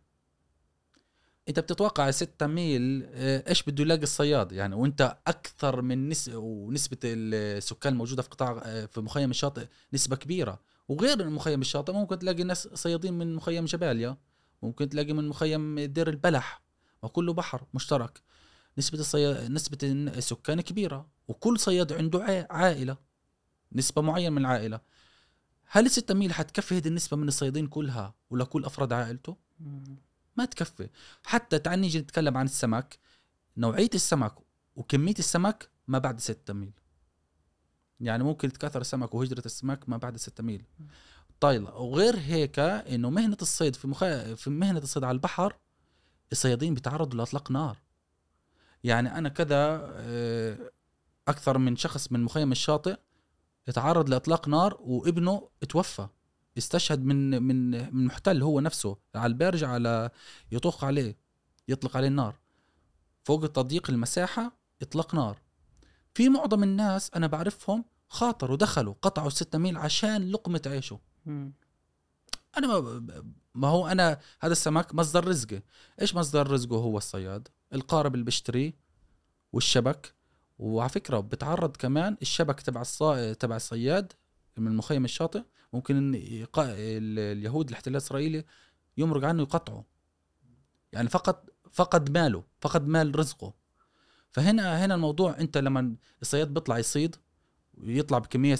بكمية سمك معينة هو ببيع جزء منه وجزء منه أكل لأولاده. وجزء من اللي بيبيعه بصرف على أولاده في التعليم قرطاسيه ملابس للمدرسة. وجزء منه كمان تخيل قديش الأجزاء بتص- بتصير تتفتفت. جزء منه بده يشتري بنزين للقارب عشان يطلع يصيد تاني يوم يتوفر عنده. ويشت... ويجدد معداته الشبك وأدوات الصيد. أنت تتخيل على 6 ميل بتحكي عن كثافة سكانية في مخيم شاطئ كبيرة. يعني هي المهنة الأساسية. في مهنة مهنة النجار ومهنة الحداده والمكن والميكانيكي تاعت السيارات والكهرباء. هدول مهن خفيفة يعني موجودة في مخيم الشاطئ أذكر قصة وادي غزة هذا مهم جدا لأنه في كان مشروع عليه بده يشتغل يتحول هو محمية طبيعية وادي غزة هو بيجي من صحراء النقب من الاراضي المحتلة في الخليل من الخليل في الأراضي الموجودة في الخليل من ثم من الخليل هذا كله من ناحية إيش؟ الاحتلال. الإسرائيلي ثم من الخليل إلى إيش؟ يدخل قطاع غزة يدخل قطاع غزة آه، قريب من مدينة الزهرة بعدين بصب على البحر الأبيض المتوسط بحرنا هو الاحتلال بيتحكم فيه هو بكب مجارية علينا. فهو كان محمية طبيعية حولها من محي- مح- من محمية طبيعية لمنطقة مليئة بالملوثات بالمياه العادمة الجراثيم هجرة السكان من في كان سكان ساكنين حوالين الوادي هذا. وفي كانت طيور بتيجي متنوعة بتهاجر الطيور بتيجي بت- ترقد فيه. يعني هاجرت الطيور منه. إيه، نسبة الملوثات والجراثيم والبكتيريا انتشرت.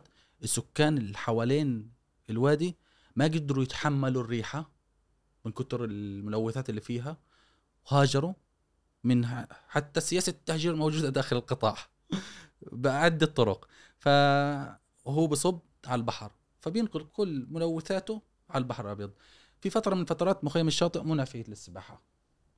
أنا ابن المخيم بيتي قريب من شاطئ البحر منع فيه السباحه إلا البعض بتلاقيه بينزل يسبح من الحاره وأقول لهم أنتم مجانين. فبقولوا لي بشوش بقول لهم هاي في يافتات لافتات يعني ممنوع السباحة خطر. بقول لي محمد ما ضلش شيء. آه فبين هو المنفس الوحيد يعني إحنا عندنا. يعني إحنا يمكن أنا شخص من طلعت على هذه الدنيا و نسمع بالقضية الفلسطينية ونضال أهل فلسطين وتمسكهم فيها. اليوم نتكلم على غزة اللي في أقل من شهر صح؟ أقل من شهر قدمت ما يقارب عشرة آلاف شهيد إحنا اليوم نتكلم مم. وتشوف آه، الشخص الفلسطيني في نص غزة في نص القصف والسماء في الليل مضوية من الانفجارات وصوت القصف والناس بتصرخ وهذا الشخص الغزاوي في نص غزة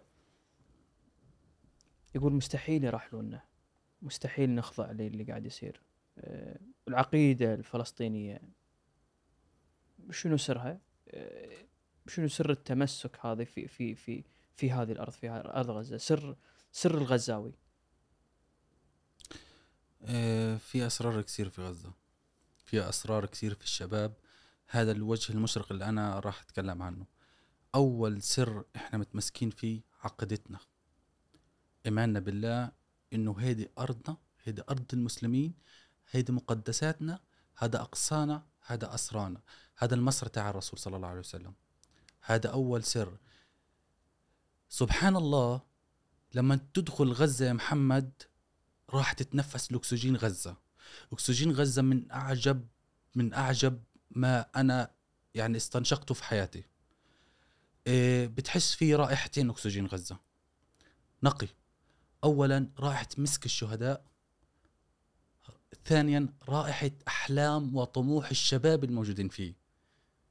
هذا السر اللي بخليك تتنفس من أكسجين غزة اللي اللي هو رائحة الشهداء مسك الشهداء وأحلام وطموح الشباب بخليهم ثابتين على الأرض إنهم يبنوا غزة. تتدمر أول ثاني ثالث لكن حيبنوا غزة. هادول الشباب هم أساس بناء غزة. يعني لولا شباب غزة ما ما ما إحنا بنينا غزة بالشكل الصحيح اللي إحنا نريده. إيه كمان في شغلة من القصة بدي أذكرها. يوم من الأيام بعد حرب 2021 تم إبادة منطقة في في الرمال. ف اللي صار إنه بحكي في السيارة بقول مين مين بده يعمر هذا الدمار كله؟ البنية التحتية تحت البنية التحتية تحت الشوارع تدمرت مصاريف المياه العادمة تدمرت إيه، مصاريف المياه دخلت على المياه المياه الحلوة كله دخل على بعضه.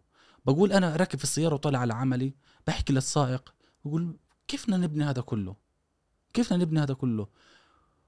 يوم بعدها بعد أسبوع بعد أسبوعين تقريبا صرت أمر من هذا المكان كثيرا على عملي. أمر كثير. بعد شهر الوقت عدى. بعد شهر بلاقي المكان انبنى. الشارع انعمل تصلح الأبراج رجعت زي ما هي بأحلى ما يمكن. بأزهى صورة. إيش بحكي للسائق رديت على بحكي للسواق هذا سائق مختلف عن الثاني بحكي في عقلي بقول للسائق إحنا يا عمي فينا طاقة غريبة. إحنا فينا معجزة غريبة. بقول لساق بقول لساق إيه، كيف يعني؟ بقول له والله العظيم إحنا يا عمي كيف بنلحق نبني غزة؟ باقل من شهر في عندنا شباب اللي بيبنوا غزة هدول الشباب اللي شايفهم من العمال. بنوا غزة في خلال فترة شهر بنوا هذا الشارع مع ابراجه في خلال أقل من شهر. إحنا الطاقة الغ... الطاقة الاست... الطاقة اللي معطينا إياها ربنا هي اللي هي اللي بتعيننا على الحياة في قطاع غزة. هذه طاقة ربانية من عند ربنا. في شباب كتير وصبايا بحاولوا يطلعوا غزة بأبهى صورة وفعلا غزة بأبهى صورة. في برنامج أنا بتابعه من غزة برنامج حكواتية. في مناطق كتير في غزة حلوة. الميناء غزة.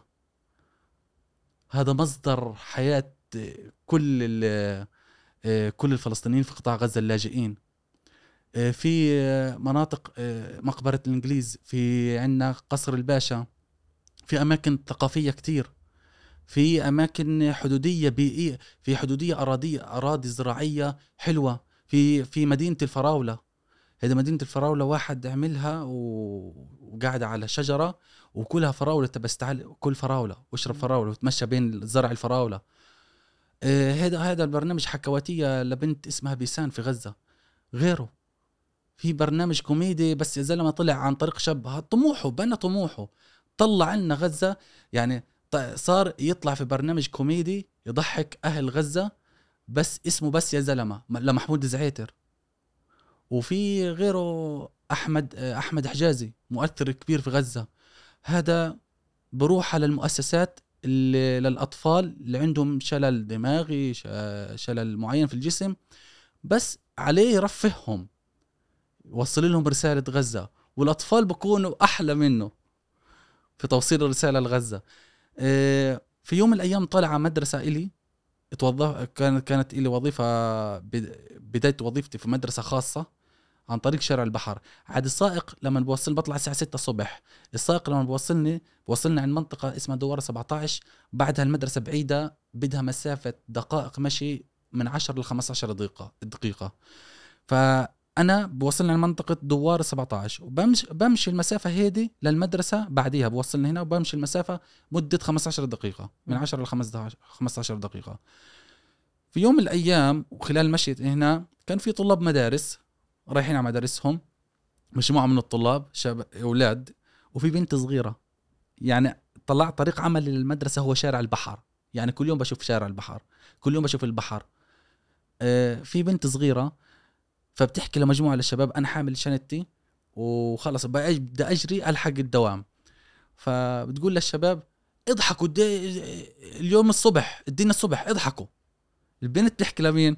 للشباب اضحكوا الدين الصبح.